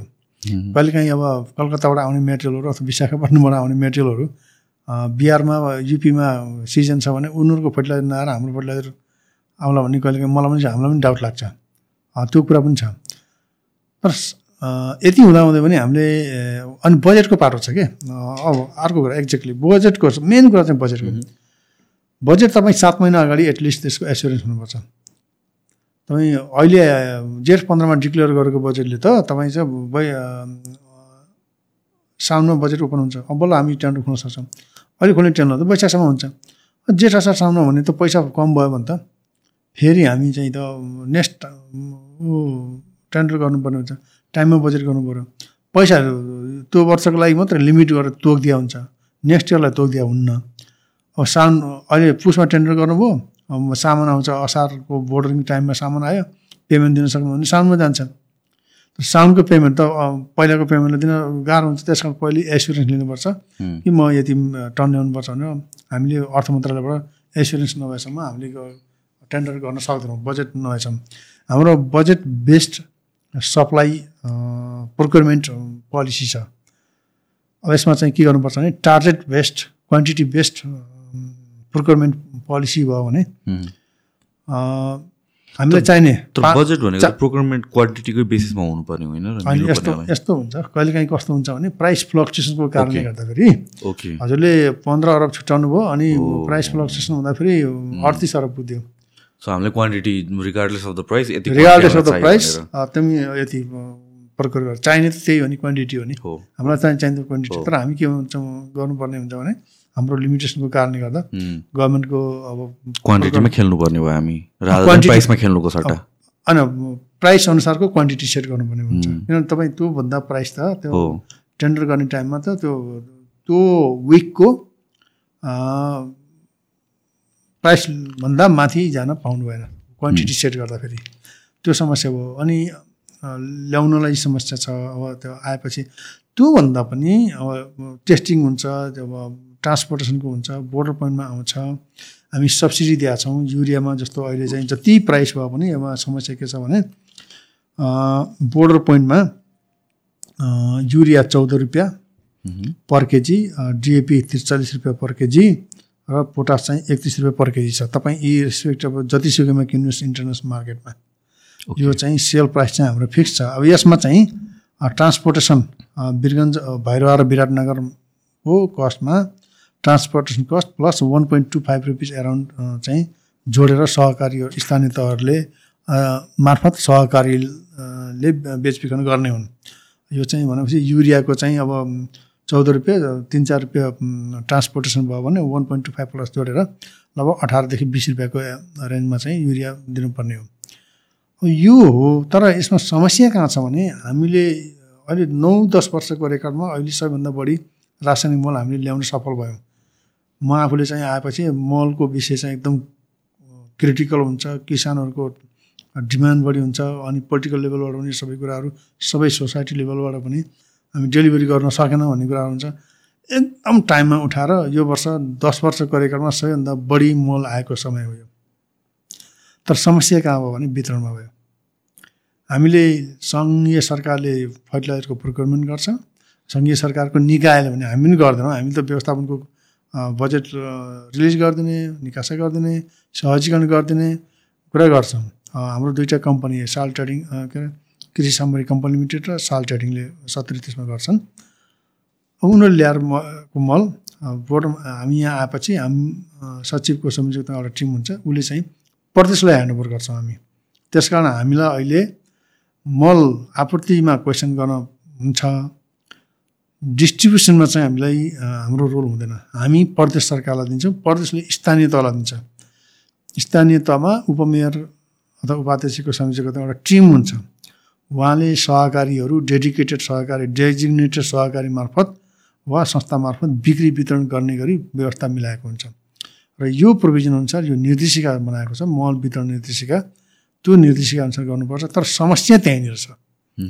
समस्या कहाँनिर छ भने सहकारी वा स्थानीय तहको पदाधिकारीले वडा अथवा त्यहाँको चिन्जनको अथवा उहाँको नजिकको मान्छेले पायो हामीले पाएनौँ भन्ने किसानहरूको गुनासो छ। मैले पनि दस पन्ध्रजना किसानलाई सोद्धाखेरि म अहिले अहिले यो वर्षको म फिल्डमा जाँदा धेरैजनालाई सोध्छन् एमा पारदर्शिता भएन भन्नुहुन्छ उहाँले। हामीले त त्यो त्यो पनि गभर्मेन्ट हो नि। प्रदेश सरकार पनि गभर्मेन्ट हो। हामीले त गभर्मेन्टलाई ह्यान्डओभर गरेको हो। त्यो त मिलाउनु पऱ्यो नि। त्यही व्यवस्थापन गर्न सक्नुहुन्न भने बाहिरबाट ल्याउँदा कति गाह्रो हुन्छ भन्नुहोस् न। होइन एकछिन म यहाँ सो डिमान्ड अनुसारको सप्लाई पुग्या हुँदैन अलरेडी नै। पुग्दैन। कहिले काहीँ। किनभने यो अलिकति सब्सिडाइज रेट भयो हुनाले बजारको भन्दा प्रेसर यसमा हुन्छ। ओके होइन प्राइभेट सेक्टरबाट ल्याएको अथवा अन्य यो फेरि यसको क्वालिटी एसुरेन्स एस्योर्ड हुन्छ।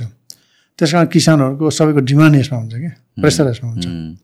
र बजेट पनि लिमिटेड भएपछि क्वान्टिटी सब डिमान्ड अनुसारले हन्ड्रेड पर्सेन्ट ल्याउन सकिएन पनि। त्यहाँ पनि प्रब्लम भयो अनि त्यसपछि डिस्ट्रिब्युसनमा अफकोर्स प्रब्लम आइहाल्छ। डिस्ट्रिब्युसनमा त अब त्यो लोकल लेभलको समस्या हो। त्यो हामीले चाहिँ त्यो डिस्ट्रिब्युसनमा चाहिँ समस्या त हरेक ठाउँमा आइहाल्छ। तर कुन लेभलको समस्या आयो भन्ने कुरा इम्पोर्टेन्ट हो। समस्या त डेफिनेटली हरेक ठाउँमा तपाईँमा पनि समस्या होला मका पनि समस्या होला। त कुन लेभल कुन डिग्रीमा समस्या आयो त्यो कुरा चाहिँ अलि विचार गर्नुपर्ने पक्ष हो। त्यस कारण हामीले अब यसमा समस्या आउनु नपर्ने हो। तर धेरै ठाउँमा क्लियर पनि भएको छ। अनि प्राइस पनि सब्सिडाइज रेट भयो हुनाले चाहे हामीले अब यो कतिसम्म पऱ्यो भने अहिले छप्पन्न रुपियाँको हारारीमै युरिया परेको छ है किन्दाखेरि बाह्र बाहिरबाट। यो चाहिँ एक सय सत्ताइस रुपियाँसम्म गएको थियो कि? एक सय सत्ताइस रुपियाँ हुँदा विगतमा चालिस बयालिस रुपियाँ अन्तर्राष्ट्रिय मूल्य हुँदाखेरि चौध रुपियाँ बेच्यौँ हामी। बिचमा एक सय सत्ताइस रुपियाँसम्म गयो चौध रुपियाँमा बेच्यौँ। पुग्दा पनि। जतिमा किने पनि किसानलाई यतिमा दिने भन्ने छ कि फेरि? प्रेसर यसले गर्दा। अनि अहिले छप्पन्न रुपियाँ हुँदाखेरि पनि चौध प्लस त्यो ट्रान्सपोर्टेसन र केही मुनाफा जोडेर लिने छ। यसमा हामीले एकपटक अब सरकार हामीले निर्णय गरेर रिभाइज पनि गरेका थियौँ तर पछि चाहिँ अब गभर्मेन्टको कुरा हो। क्याबिनेटले चाहिँ यसलाई तत्काल लागु नगर्ने भन्ने कुरा भयो। बजेट पनि दिन नसक्ने अब यो इस्युहरू छ बजेटरी इस्यु यसमा चाहिँ अब रेट चाहिँ लामो समय भयो हुनाले र प्राइस एकदम फ्लक्चुएसन भयो हुनाले यसमा एडजस्टमेन्ट चाहिँ गर्नुपर्ने थियो। त्यो चाहिँ गर्नुपर्छ। गर्छौँ गर्छौँ होला हामी अब। यो कहिलेकाहीँ कस्तो हुन्छ यो विषय चाहिँ टेक्निकल कुरा नभएर अब यसका यो मात्रै भएर किसानमा दिइसकेपछि यसको जुडिसियस प्रयोग हुनु पऱ्यो कहिलेकाहीँ अलिकति नलेजको कारणले गर्दा पनि जस्तो मैले कतिपय ठाउँमा यता काभ्रेतिर जाँदा बोट बोटमा हाल्नुहुन्छ कि किसानहरूले? मकैको बोटमा अब एक मुठी मल चाहिँ पाँच छवटा बोटहरूमा हालेको पनि देखिएछ। त्यो चाहिँ ठिक होइन। त्यो हामीले अब त्यसको जुडिसियस हाल्ने कहाँ नहाल्ने पनि हाल्ने कसरी हाल्ने भन्ने कुरा त्यसको अब वेस्टेज बेसी भयो। वेस्टेज बढी हुने भयो। अब गभर्मेन्टको रिसर्च एक प्रत्येक किलो त्यो कृषि सामग्री कम्पनी र साल ट्रेडिङको लोगो भएको उसको बोराको यो मल किन्दाखेरि राज्यले अनुदान दिएको छ युरिया डिपी पोटासमा अरू मलमा दिन्नौँ हामी। युरिया डिपी पोटासमा चाहिँ हामी मल दिएको अनुदान दिएको छौँ। प्रत्येक केजी किन्दाखेरि अब त्यो अनुदान त किसानले एक किलो कुनै किसानले दस किलो मल किन्दाखेरि मैले यति अनुदान पाएँ भने किसानले त फिल गरे हुन्न तर राज्यको तर्फबाट त अनुदान गइरहेको हुन्छ। हामीले दिने यस्तैमा हो। अनुदान दिनुपर्ने यसमा भयो मलमा भयो पानीमा भयो सिँचाइमा भयो बजारमा भयो। व्यक्तिगत अनुदान दिनुभन्दा यो यो कम्युनिटी मतलब अब सबैको लागि प्रयोग गर्ने अब मल व्यक्तिगत पनि भयो। अनि कतिपय पूर्वाधारमा चाहिँ जस्तो पूर्वाधार बजारका पूर्वाधारहरू सिँचाइमा दिँदाखेरि कम्युनिटी बेस पूर्वाधार भयो। त्यसमा अनुदान दिँदा राम्रो हुन्छ। सो नाउ फुड सेक्युरिटीको अगेन कुरा गर्दाखेरि मेजर फुडहरू केमा ध्यान दिनुपर्ने र त्यहाँ सेल्फ सफिसियन्सी हामी कसरी क्रिएट गर्न सक्छौँ? फुड सेक्युरिटीको कुरा गर्दाखेरि अब अलिकति ग्लोबल लेभलको पिक्चर पनि अब रिभ्यू गर्दा आउँछ। लगभग सत्तरी करोड मान्छे चाहिँ अब यो भोकमरीबाट कुनै न कुनै किसिमले प्रभावित भएका छन् प्रताडित छन्। लगभग दुई अरब जति मान्छेहरू चाहिँ उनीहरूको चाहिँ खाद्यान्नमा नियमित अथवा रेगुलर पहुँच चाहिँ छैन। फिगरमा हेर्ने हो भने लगभग छ्यालिस करोड सत् छ्यालिस सडचालिस करोड मान्छे चाहिँ अन्डरवेयर छन्। जबकि अलमोस्ट दुई बिलियन अथवा दुई अरब मान्छे चाहिँ ओभरवेट छन्। हामी त खानुहुँदा नखानुहुँदा खाएर बढी समस्या पनि देखिएको हो कि अब भन्ने कुरा पनि आयो। अब नेपालको केस हेर्ने भने नेपालको चाहिँ अब फुड सेक्युरिटीको हिसाबले हेर्ने भने हाम्रो सानो किसानहरू सानो सानो स्किल भएको कारणले गर्दा र नेचुरल हिसाबले पनि गरे हुनाले अडचालिस पर्सेन्ट चाहिँ मात्रै फुड सेक्युर छन्। यो सोह्र सत्रको रिपोर्ट हो। बिस पर्सेन्ट चाहिँ माइल्ड फुड इन्सिक्योर छ बाइस पर्सेन्ट चाहिँ मोडरेटली फुड इन्सिक्योर छन् र दस पर्सेन्ट चाहिँ एकदमै सिभियरली इन्सिक्योर छन् अब बिहान खायो के बेलुका के खाने अथवा आज खायो भोलि के खाने भन्ने खालको स्थितिमा चाहिँ टेन एलिमेन्ट यो चाहिँ अलिकति रिजन वाइज पनि अलिक फरक छ। जस्तो कर्णालीमा भन्यो भने दस पर्सेन्ट चाहिँ सत्र अठार पर्सेन्टमा गएको छ। सो यो जुन वान फिफ्थ फिफ्थ पपुलेसनमा त्यस्तो छ लगभग। सो यो जुन प्रब्लम छ फुड अन इन्सिक्योर भएको यो भनेको चाहिँ डिमान्ड अनुसारले सप्लाई नपुगेर हो कि इन्डिभिजुअलको basic economics economical financial condition नपुगेर सबै हो दुइटै हो। डिमान्ड अनुसार नपुगेर पनि हो। अब हाम्रो हाउस होल्ड लेभलमा पनि समस्या छ। कम्युनिटी लेभलमा पनि यो समस्या छ। फुड कुनै कुनै जोन नै त्यस्तै छ। अब तपाईँको त्यहाँ धनी भयो भने पैसा भयो भने खानै पुग्दैन पैसा खाँदैन नै आउँदैन सप्लाईकै इस्यु भयो त। सप्लाईकै इस्यु हो त्यो। कतिपय ठाउँमा चाहिँ अब सप्लाई त छ जस्तो तराईमा भन्नुहोस्। त्यहाँ चाहिँ पपुलेसन हाई छ इन्कम कम छ। काठमाडौँमै भन्नुहोस् सप्लाई त कम छैन नि। तर एकदम तल्लो वर्गको आय न्यून आय वर्ग भएको मान्छेलाई त काठमाडौँमै समस्या छ नि। त्यो चाहिँ अब ठाउँ ठाउँ अनुसार फरक फरक छ। अब फुड सेक्युरिटीको यसो इस्यु कुरा गर्दाखेरि अब यसको उपलब्धता भनेको खाद्यान्न आफूसँग छ छैन भन्ने कुरा एसएस पहुँच। भएर पनि अथवा पहुँच छ कि छैन आफ्नो आम्दानीले आफ्नो क्यापासिटीले थेक्छ कि थिएन आफूसँग आम पैसा भए पनि उपलब्ध छ कि छैन खाँदैन अथवा खाँदैन भएर आफू आफ्नो कमजोर छ भन्ने हिसाबले एसएस पाउँसको इस्यु छ। यसको प्रयोग गर्ने तरिकामा पनि फरक छ। अब कहिलेकाहीँ फुड खाना छ तर हामी प्रयोग गर्न जान्दैनौँ राम्ररी। त्यो पनि यसले पनि फुड इन्सिक्युरिटीको समस्या ल्याउँछ र स्थायित्वको निरन्तर यसमा चाहिँ पहुँच कुरा पनि इम्पोर्टेन्ट हो। अब अलिकति म चाहिँ यसको मेजर चाहिँ हाम्रो अलि फुड सिक्युरिटीको हिसाबले एभाइलिटीको हिसाबले हामी अलि समस्यामा ट्र्यापमा परेर गइरहेछौँ। हाम्रो पछिल्लो समय चाहिँ कस्तो छ भने यो संसारको यो खाद्यान्न उत्पादन गर्ने यो ट्रेन्डले प्राकृतिक स्रोतहरू बढी दोहन भएको छ। लगभग सत्तरी पर्सेन्ट ग्राउन्ड वाटर वाटर चाहिँ खाद्यान्न उत्पादनमा प्रयोग हुन्छ। यसले बायोडाइभर्सिटीमा पनि ठुलो च्यालेन्ज गरेको छ। जस्तो साठी पर्सेन्टभन्दा बढी बायोडाइभर्सिटी लस भएको चाहिँ यो खाद्यान्नको कारणले उत्पादनको कारणले भनिन्छ। सत्तरी पर्सेन्टभन्दा बढी वाटर चाहिँ एक्सट्र्याक्ट भएको छ। अस्सी पर्सेन्ट र यो टेरेस्ट्रियल जमिनमा पर्ने चरा र यो स्तनधारी जनावरहरूलाई चाहिँ यसले चुनौती कतिपय ठाउँमा त डिसेपियर पनि भयो। बायोडाइभर्सिटीको इस्युहरू छ। इस्युहरू छन्। यति हुँदा पनि अब हाम्रो केसमा कस्तो छ भने हाम्रो तराईको जग्गाहरू चाहिँ अलिकति एसिडिक हुँदै गएको छ र हाम्रो प्रोडक्टिभिटी पनि कम हुँदै गएको छ। प्रोडक्सन पनि प्रोडक्टिभिटी बढ्दैछ ठिकै छ। प्रोडक्सन चाहिँ हाम्रो अलिकति लिमिट हुन थाल्यो कि जस्तो छ। पाहाडमा हाम्रो चाहिँ जग्गाहरू बाँझो भएको कारणले गर्दा अघि नै हामी छलफल गऱ्यौँ नि ती इनहेरेन्ट कारणले गर्दाखेरि हाम्रो जग्गाहरूमा खेती गर्न सकिएन। परिवारहरू छोड्दै गाउँ छोड्दै बा सहर बजार आए युवाहरू गाउँ छोड्दै बजारतिर अथवा बाहिरतिर गए। त्यसले गर्दा जग्गाहरू बाँझो भयो। त्यो जहाँ बाँझो जग्गा खेती नगरेपछि त त्यहाँ त अटोमेटिक फुड सङ्कट पर्ने भयो खाद्यान्न उत्पादन कमी हुने भयो। अर्को तराईको जग्गा चाहिँ खण्डीकृत सहरका आसपास मलिला जग्गाहरू काठमाडौँ नै भनौँ न आजभन्दा पन्ध्र वर्ष अगाडि बिस वर्ष अगाडि रिङ रोड बाहिर त खेती नै हुन्थ्यो त। अब काठमाडौँको वरिपरि त पुरै खेती हुन्थ्यो। अहिले त काठमाडौँमा खेती गर्ने जमिन नै छैन। त्यस्तो स्थिति आएको छ। सहर बजारमा त्यस्तै छ। गाउँका जग्गाहरूमा कृषियोग्य भूमि पनि अघि पनि हामी छलफल गऱ्यौँ। कृषियोग्य भूमिहरू पनि यो रियल इस्टेटमा कन्भर्ट भइरहेछन् घडेरीकरणमा गइरहेछ खन्नीकरण भइरहेछ यसले गर्दाखेरि यो हाम्रो अलिकति यसमा चुनौती आएको छ।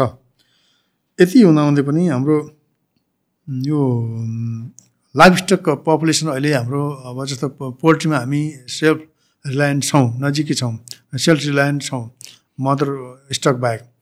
तर पोल्ट्री इन्डस्ट्री त हाम्रो फर्स्ट आयो। तर पोल्ट्रीले खाने जनावरले पोल्ट्रीले कन्जम्सन गर्दा मकै भटमास हो। त्यो पनि फेरि इम्पोर्ट गर्छौँ हामी फेरि अब। त्यसले हाम्रो हामीले खाने वस्तु पनि पोल्ट्रीहरूले खाने भयो अहिले धान पनि इभन टुक्रेको चामलहरू पनि दाना उद्योगमा जान्छ भन्ने छ अहिले।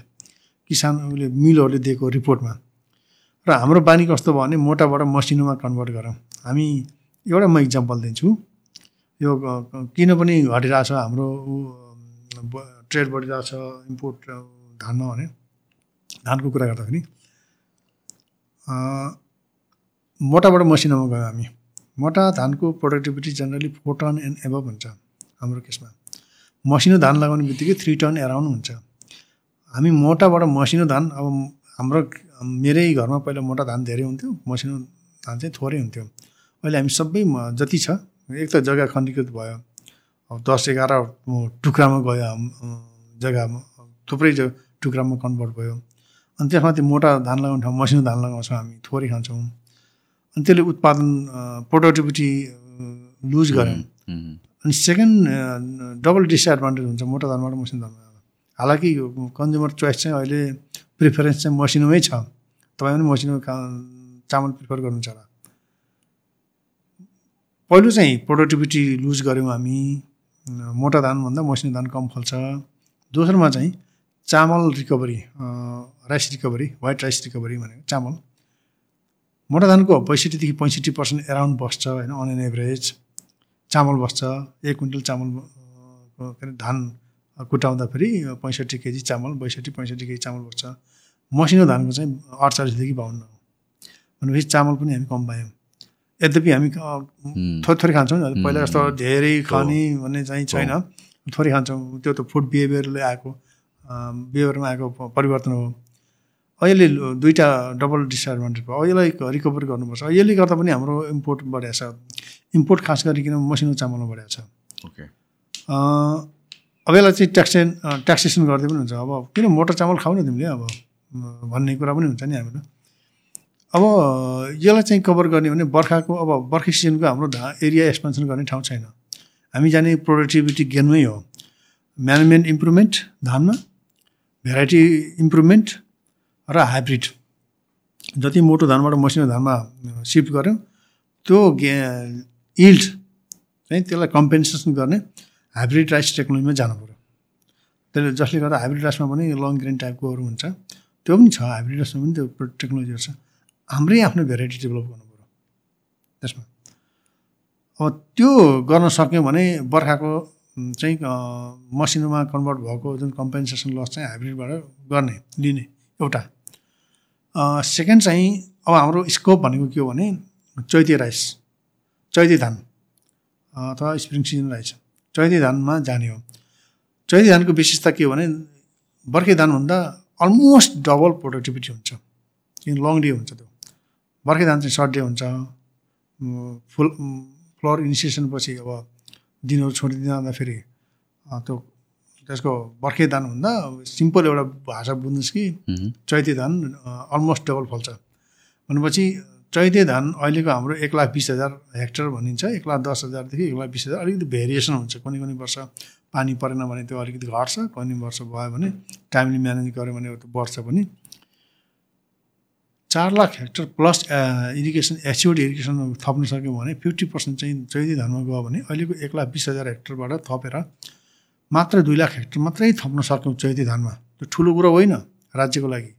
डेडिकेसन हुनु पऱ्यो। त्यो सिँचाइ त्यही भएर म सिँचाइसँग जोड्दैछु कि अहिले। कृषिलाई मात्र किन भन्नुहुन्छ? सिँचाइलाई जोड्न खोजेको त्यहाँनिर। सिँचाइ र प्रविधिलाई अनि मललाई। चैती धान दुई लाख हेक्टर एडिसनल गर्न सक्यौँ भने मिनिमम साढे पाँच टनको चाहिँ हामी प्रोडक्टिभिटी लिन सक्छौँ भनेपछि एघार लाख टन। त्यो त दुई तिन वर्षमा गेन गर्न सकिन्छ। त्यो त। भनेपछि हाम्रो चाहिँ कति भने बाह्र लाखदेखि तेह्र लाख मेट्रिक टन चाहिँ धान र चामल गरेर हाम्रो डेफिसिट हो। एघार लाख टनै चाहिँ धानबाट मेकअप गर्न सकिन्छ भने त्यो स्ट्राटेजीमा किन नजाने? अब यसमा हाम्रो केही कुराहरू चाहिँ हाम्रो वर्कआउट गर्दैछौँ। सिँचाइ सुविधा हुनु पऱ्यो। पहिला हाम्रो भेराइटीहरू कहिले चाइनाबाट ल्याउँछौँ कहिले इन्डियाबाट ल्याउँछौँ कहिले कहाँबाट ल्याउँछौँ हाइब्रिडहरू अथवा भेराइटीहरू अहिले इरीले अन्तर्राष्ट्रिय धानबाली अनुसन्धान कार्यक्रमले एउटा उनीहरूको टेक्नोलोजी हाइटेकमा भएर हाम्रो ट्रेडिसनल सिस्टममा चाहिँ आठ दस बाह्र वर्षमा भेराइटी डेभलप हुन्छ भने उनीहरूको दुई तिन वर्षमै भेराइटी डेभलप गर्न चार वर्षभित्र नयाँ भेराइटी डेभलप गर्ने टेक्नोलोजीहरू आएको छ। त्यो सिस्टमलाई त हामीले आउनु गर्नु पऱ्यो नि। इन्डियाले के गरेको छ बङ्गलादेशले के गरेको छ हामी हामी मात्रै होइन कि हाम्रो छिमेकीले कस्तो टेक्नोलोजी ल्याएछन् कस्तो डेभलपमेन्ट पोलिसीहरू इन्टरभेन्सन गर्नुपर्छ भन्ने कुरा यहीँ इन्जेक्ट गर्ने कुराहरू यसमा फरक पर्छ। त्यसमा गयौँ भने त्यो हाम्रो लागि तिन चार वर्षको भन्दा ठुलो कुरा होइन। पहिलो वर्ष हामी एक लाख थपाउँला दोस्रो वर्ष दुई लाख डेढ लाखमा जाउँला तेस्रो चौथो वर्षमा त हामी जान सक्छौँ। त्यो भयो भने अहिलेको हाम्रो त्यो डेफिसिट चाहिँ हामीहरू हुन्छ र अर्को हाम्रो के छ भने पहिला पाहाडमा मकै खाइन्थ्यो मकैको आँटा ढाँडो भनौँ न। अब पाहाडको तराईमा धान खान चामल हुन्थ्यो होइन। तराईकोले चामलै खाने भन्ने हुन्थ्यो। पहिलाको कल्चर त्यस्तो थियो नि त। अहिले बाटो बनिसकेपछि चामल चाहिँ सबै ठाउँमा गयो।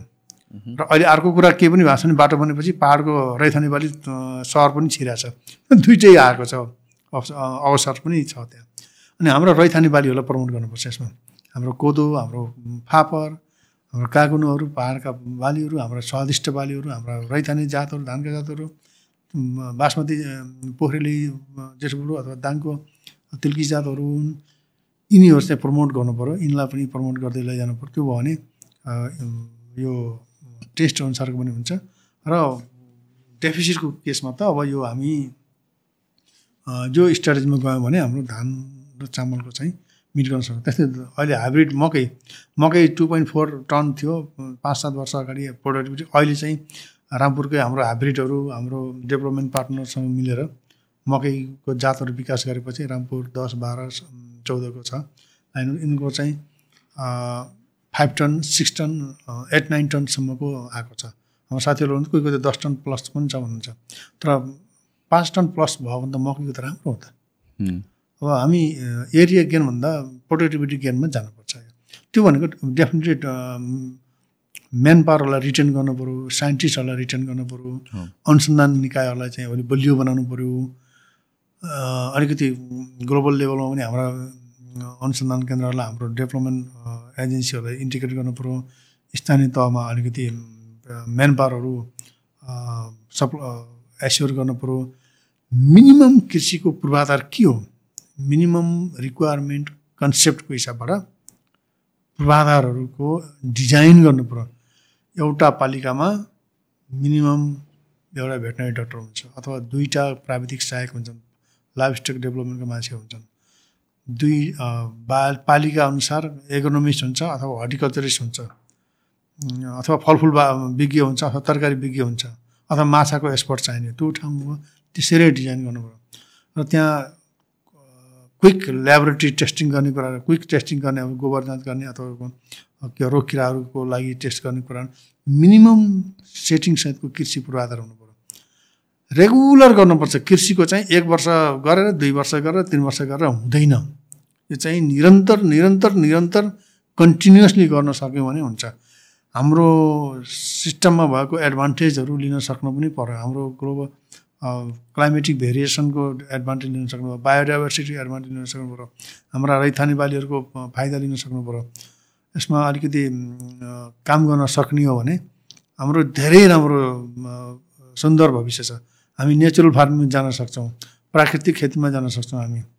त्यो भयो भने हाम्रो सन्तानलाई पनि हामीले केही छोड्न सक्छौँ। हाम्रो कृषिको विशेषता पनि चिनाउन सक्छौँ अरूको माझ यस्ता कुराहरू छन्। अब अलिकति कमर्सियल ठाउँमा चाहिँ यो अर्ग्यानिक मलहरूलाई प्रमोट पऱ्यो सबै कुराहरू छन्। एकदम सुन्दर छ। तर अलिकति कार्यान्वयनको पाटो र अलिकति अनुशासनका पाटोहरू चाहिँ अलिकति मजबुत बनाउनुपर्छ।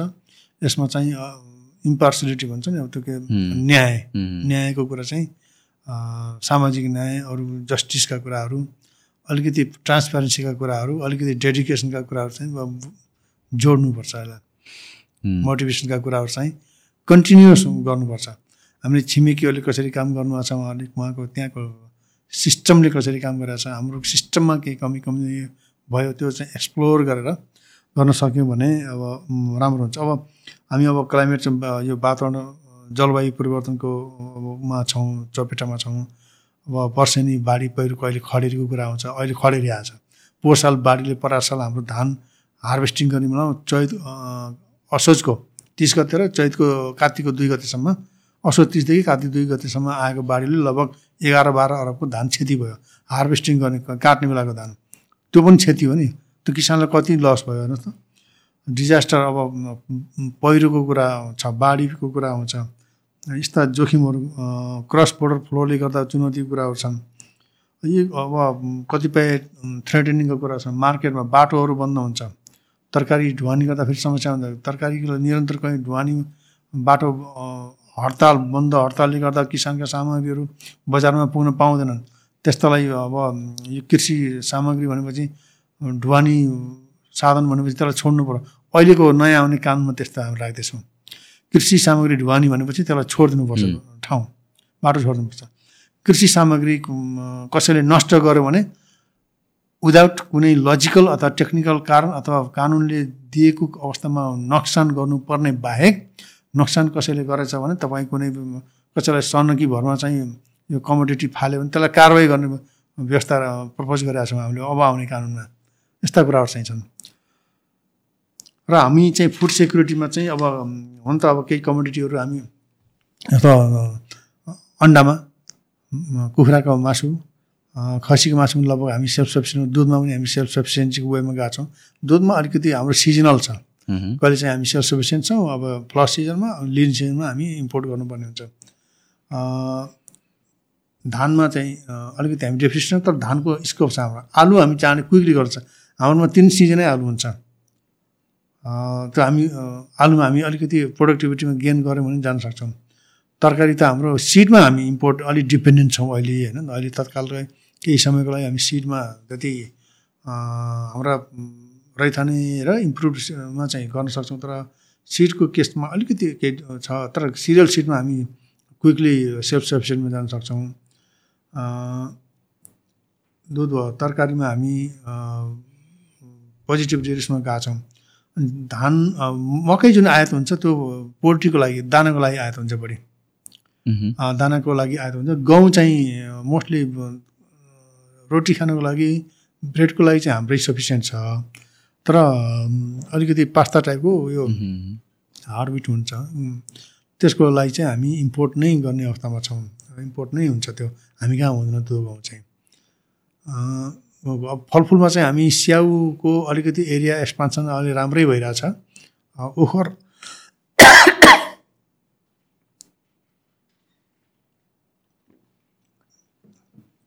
स्याउको पनि हाम्रो अब राम्रो भइरहेछ। अझै पनि हाम्रो पाँच छ छ सात अरबको स्याउ इम्पोर्ट भइरहेछ। अनि केरामा हाम्रो अलिकति राम्रो विस्तार भइरहेछ। अहिले केरा चाहिँ अलि बिमाको कारणले पनि केरा किसानहरू अलि राम्रो अगाडि आउनुभएको छ। लगभग सिजनमा चाहिने केरा चाहिँ हामीलाई नेपालबाटै धेरै सप्लाई भइरहेछ। थोरै सत्र अठार पर्सेन्ट मात्रै हामी इम्पोर्ट गर्छौँ। त्यो इम्प्रुभ पनि छ। कतिपय ठाउँमा तर के भने चुनौती पनि छन्। चुनौती चाहिँ अब ग्लोबल यो सबै हाम्रो पर्सपेक्टिभ अहिले हाम्रै आफ्नै कारणले पनि अलिकति बाहिरको ग्लोबल कारणले पनि हाम्रो छन् चुनौतीहरू। ओके सो ओभरअल सिनेरीमा हेर्दाखेरि चाहिँ यो सर्टन सल्युसन्सहरू जुन तपाईँले हामीले डिस्कस गऱ्यो भर्खरै यसमा चाहिँ कन्भर्सेसन चाहिँ भइरहेको छ? भइरहेछ नि किन हामी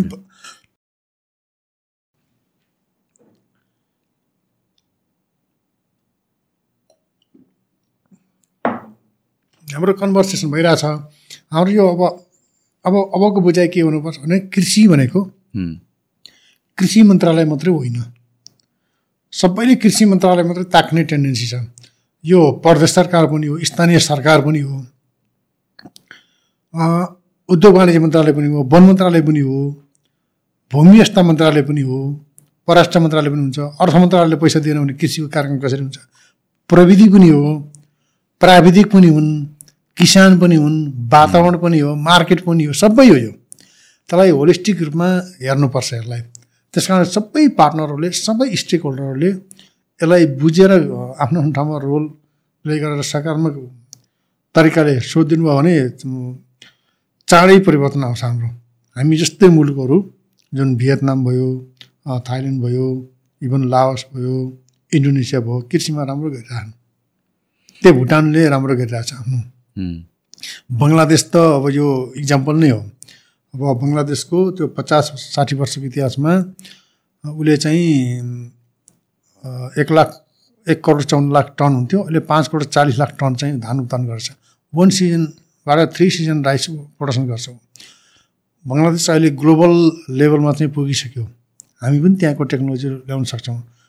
बिस बाइस पच्चिस वर्ष अगाडि त्यहाँ बाढी पर्दाखेरि नेपालले खाँदैन सहयोग पठाउँथ्यो अहिले ऊ आफ्नो लेभलमा पुगेको छ। ऊ आफ्नो ग्लोबल लेभलमा चाहिँ ऊ एउटा राम्रो पोजिसनमा पुगेको छ।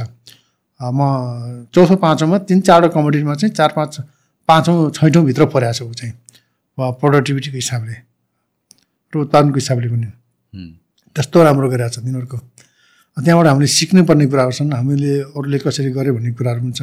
र सबै समग्र सिस्टमको कुरा हो यो। यो चाहिँ एग्रिकल्चर मात्र होइन अरू ट्रेडमा पनि त त्यस्तै छ नि चुनौतीहरू तर गर्न सकिन्छ। मात्र के चाहिन्छ भने पोजिटिभ एटिच्युड अठोट अलिकति कन्टिन्युस इफोर्ट र यो अनुशासन ती कुराहरू चाहिँ चाहिन्छ। आई थिङ्क हामीले प्रिटमच सबै नै कभर गरिसक्यो। Thank you so much for your time र मलाई पनि के लाग्छ भनेपछि यो कन्भर्सेसनले गरेर एउटा हिसाबले अवेरनेस त क्रिएट होस् कि नेसेसिटी फर सेल्फ सस्टेनेन्स होइन फुडमा चाहिँ किनभने यो इट्स हाई टाइम अहिले पनि सेल्फ सस्टेन नहुने हो भनेर भनेपछि जुन रेटले हामीहरू डिक्लाइन भइरहेको छ एउटा हिसाबले एग्रिकल्चरबाट ध्यान गइरहेको छ मान्छेहरू बाहिर गइरहेको छ यो सबै कारणले गर्दा फ्युचर के छ भन्ने कुरा चाहिँ कन्सर्निङ सबैलाई हुनुपर्ने हो। र जुन हिसाबले इम्प्रुभमेन्टको हामीले कन्भर्सेसन पनि डिस्कस गऱ्यौँ होपफुली त्यो प्र्याक्टिकलिटीमा पनि आउँछ and then will see positive benefits definitely मैले पनि अब के भन्छु भने अब नेपालको डेभलपमेन्टमा हामी चाहिँ अब अरूको डेभलपमेन्टको मोडल हेर्ने होइन। त्यहाँबाट लेसन लिएर नेपालको नेचुरल रिसोर्सेस अहिलेको सौर योजना पनि हामीले भनेका छौँ नेचुरल रिसोर्सेसलाई हेर्नु पऱ्यो नेपालको युवा जनशक्तिलाई हेर्नु पऱ्यो किसानहरूलाई हेर्नु पऱ्यो र हाम्रो चाहिँ एग्रिकल्चर हाइड्रो पावर टुरिज्म अनि अब सर्भिस सेक्टर त अब यसपछि ग्रो हुने कुरा हो। यी तिनवटा कुराहरूलाई चाहिँ अलिकति यसको संयोजन गर्न सक्यौँ भने हाम्रो यसैमा छ भविष्य। घुमी फेरि फर्कने ठाउँ यही हो। जति गरे पनि। अब तपाईँ जे गरे पनि बिहान खानुपर्छ बेलुका खानुपर्छ। र हाम्रो पोटेन्सियलिटी पनि छ हाम्रो। अनहार्नेस्ड ठाउँहरू पनि छ एभेन्युजहरू पनि छन्। ती कुराहरू चाहिँ हामीले अलिकति जुडिसियली अलिकति डिटेल प्लानिङ र डेडिकेसन चाहिँ चाहिन्छ। कन्टिन्युस फलोअप चाहिन्छ। अलिकति डिपार्चर चाहिँ पोलिटिकल लेभलबाट पनि आउनुपर्छ यो टेक्निकल लेभलबाट पनि आउनुपर्छ एजुकेसन लेभलबाट आउनुपर्छ सिभिल सोसाइटी प्राइभेट सेक्टरबाट पनि आउनुपर्छ फार्मर्स इट सेल्फबाट पनि आउनुपर्छ सबैबाट आयो भने यो चाहिँ असम्भव होइन यो सम्भव हो चाँडै गर्न सक्ने र हामीले गर्न सक्ने कुरा हो होपफुली त्यो होस् भनेर। Thank you so much for your time हस् धन्यवाद। यो आज धेरै लामो डिस्कसन पनि भयो अब धेरै विषयहरूमा सेयर गर्ने मौका दिनुभयो। मेरो लागि अब लामो इन्टरभ्यूहरूमध्येको पनि एउटा भयो। हस् धन्यवाद। हस् थ्याङ्क यू हस्।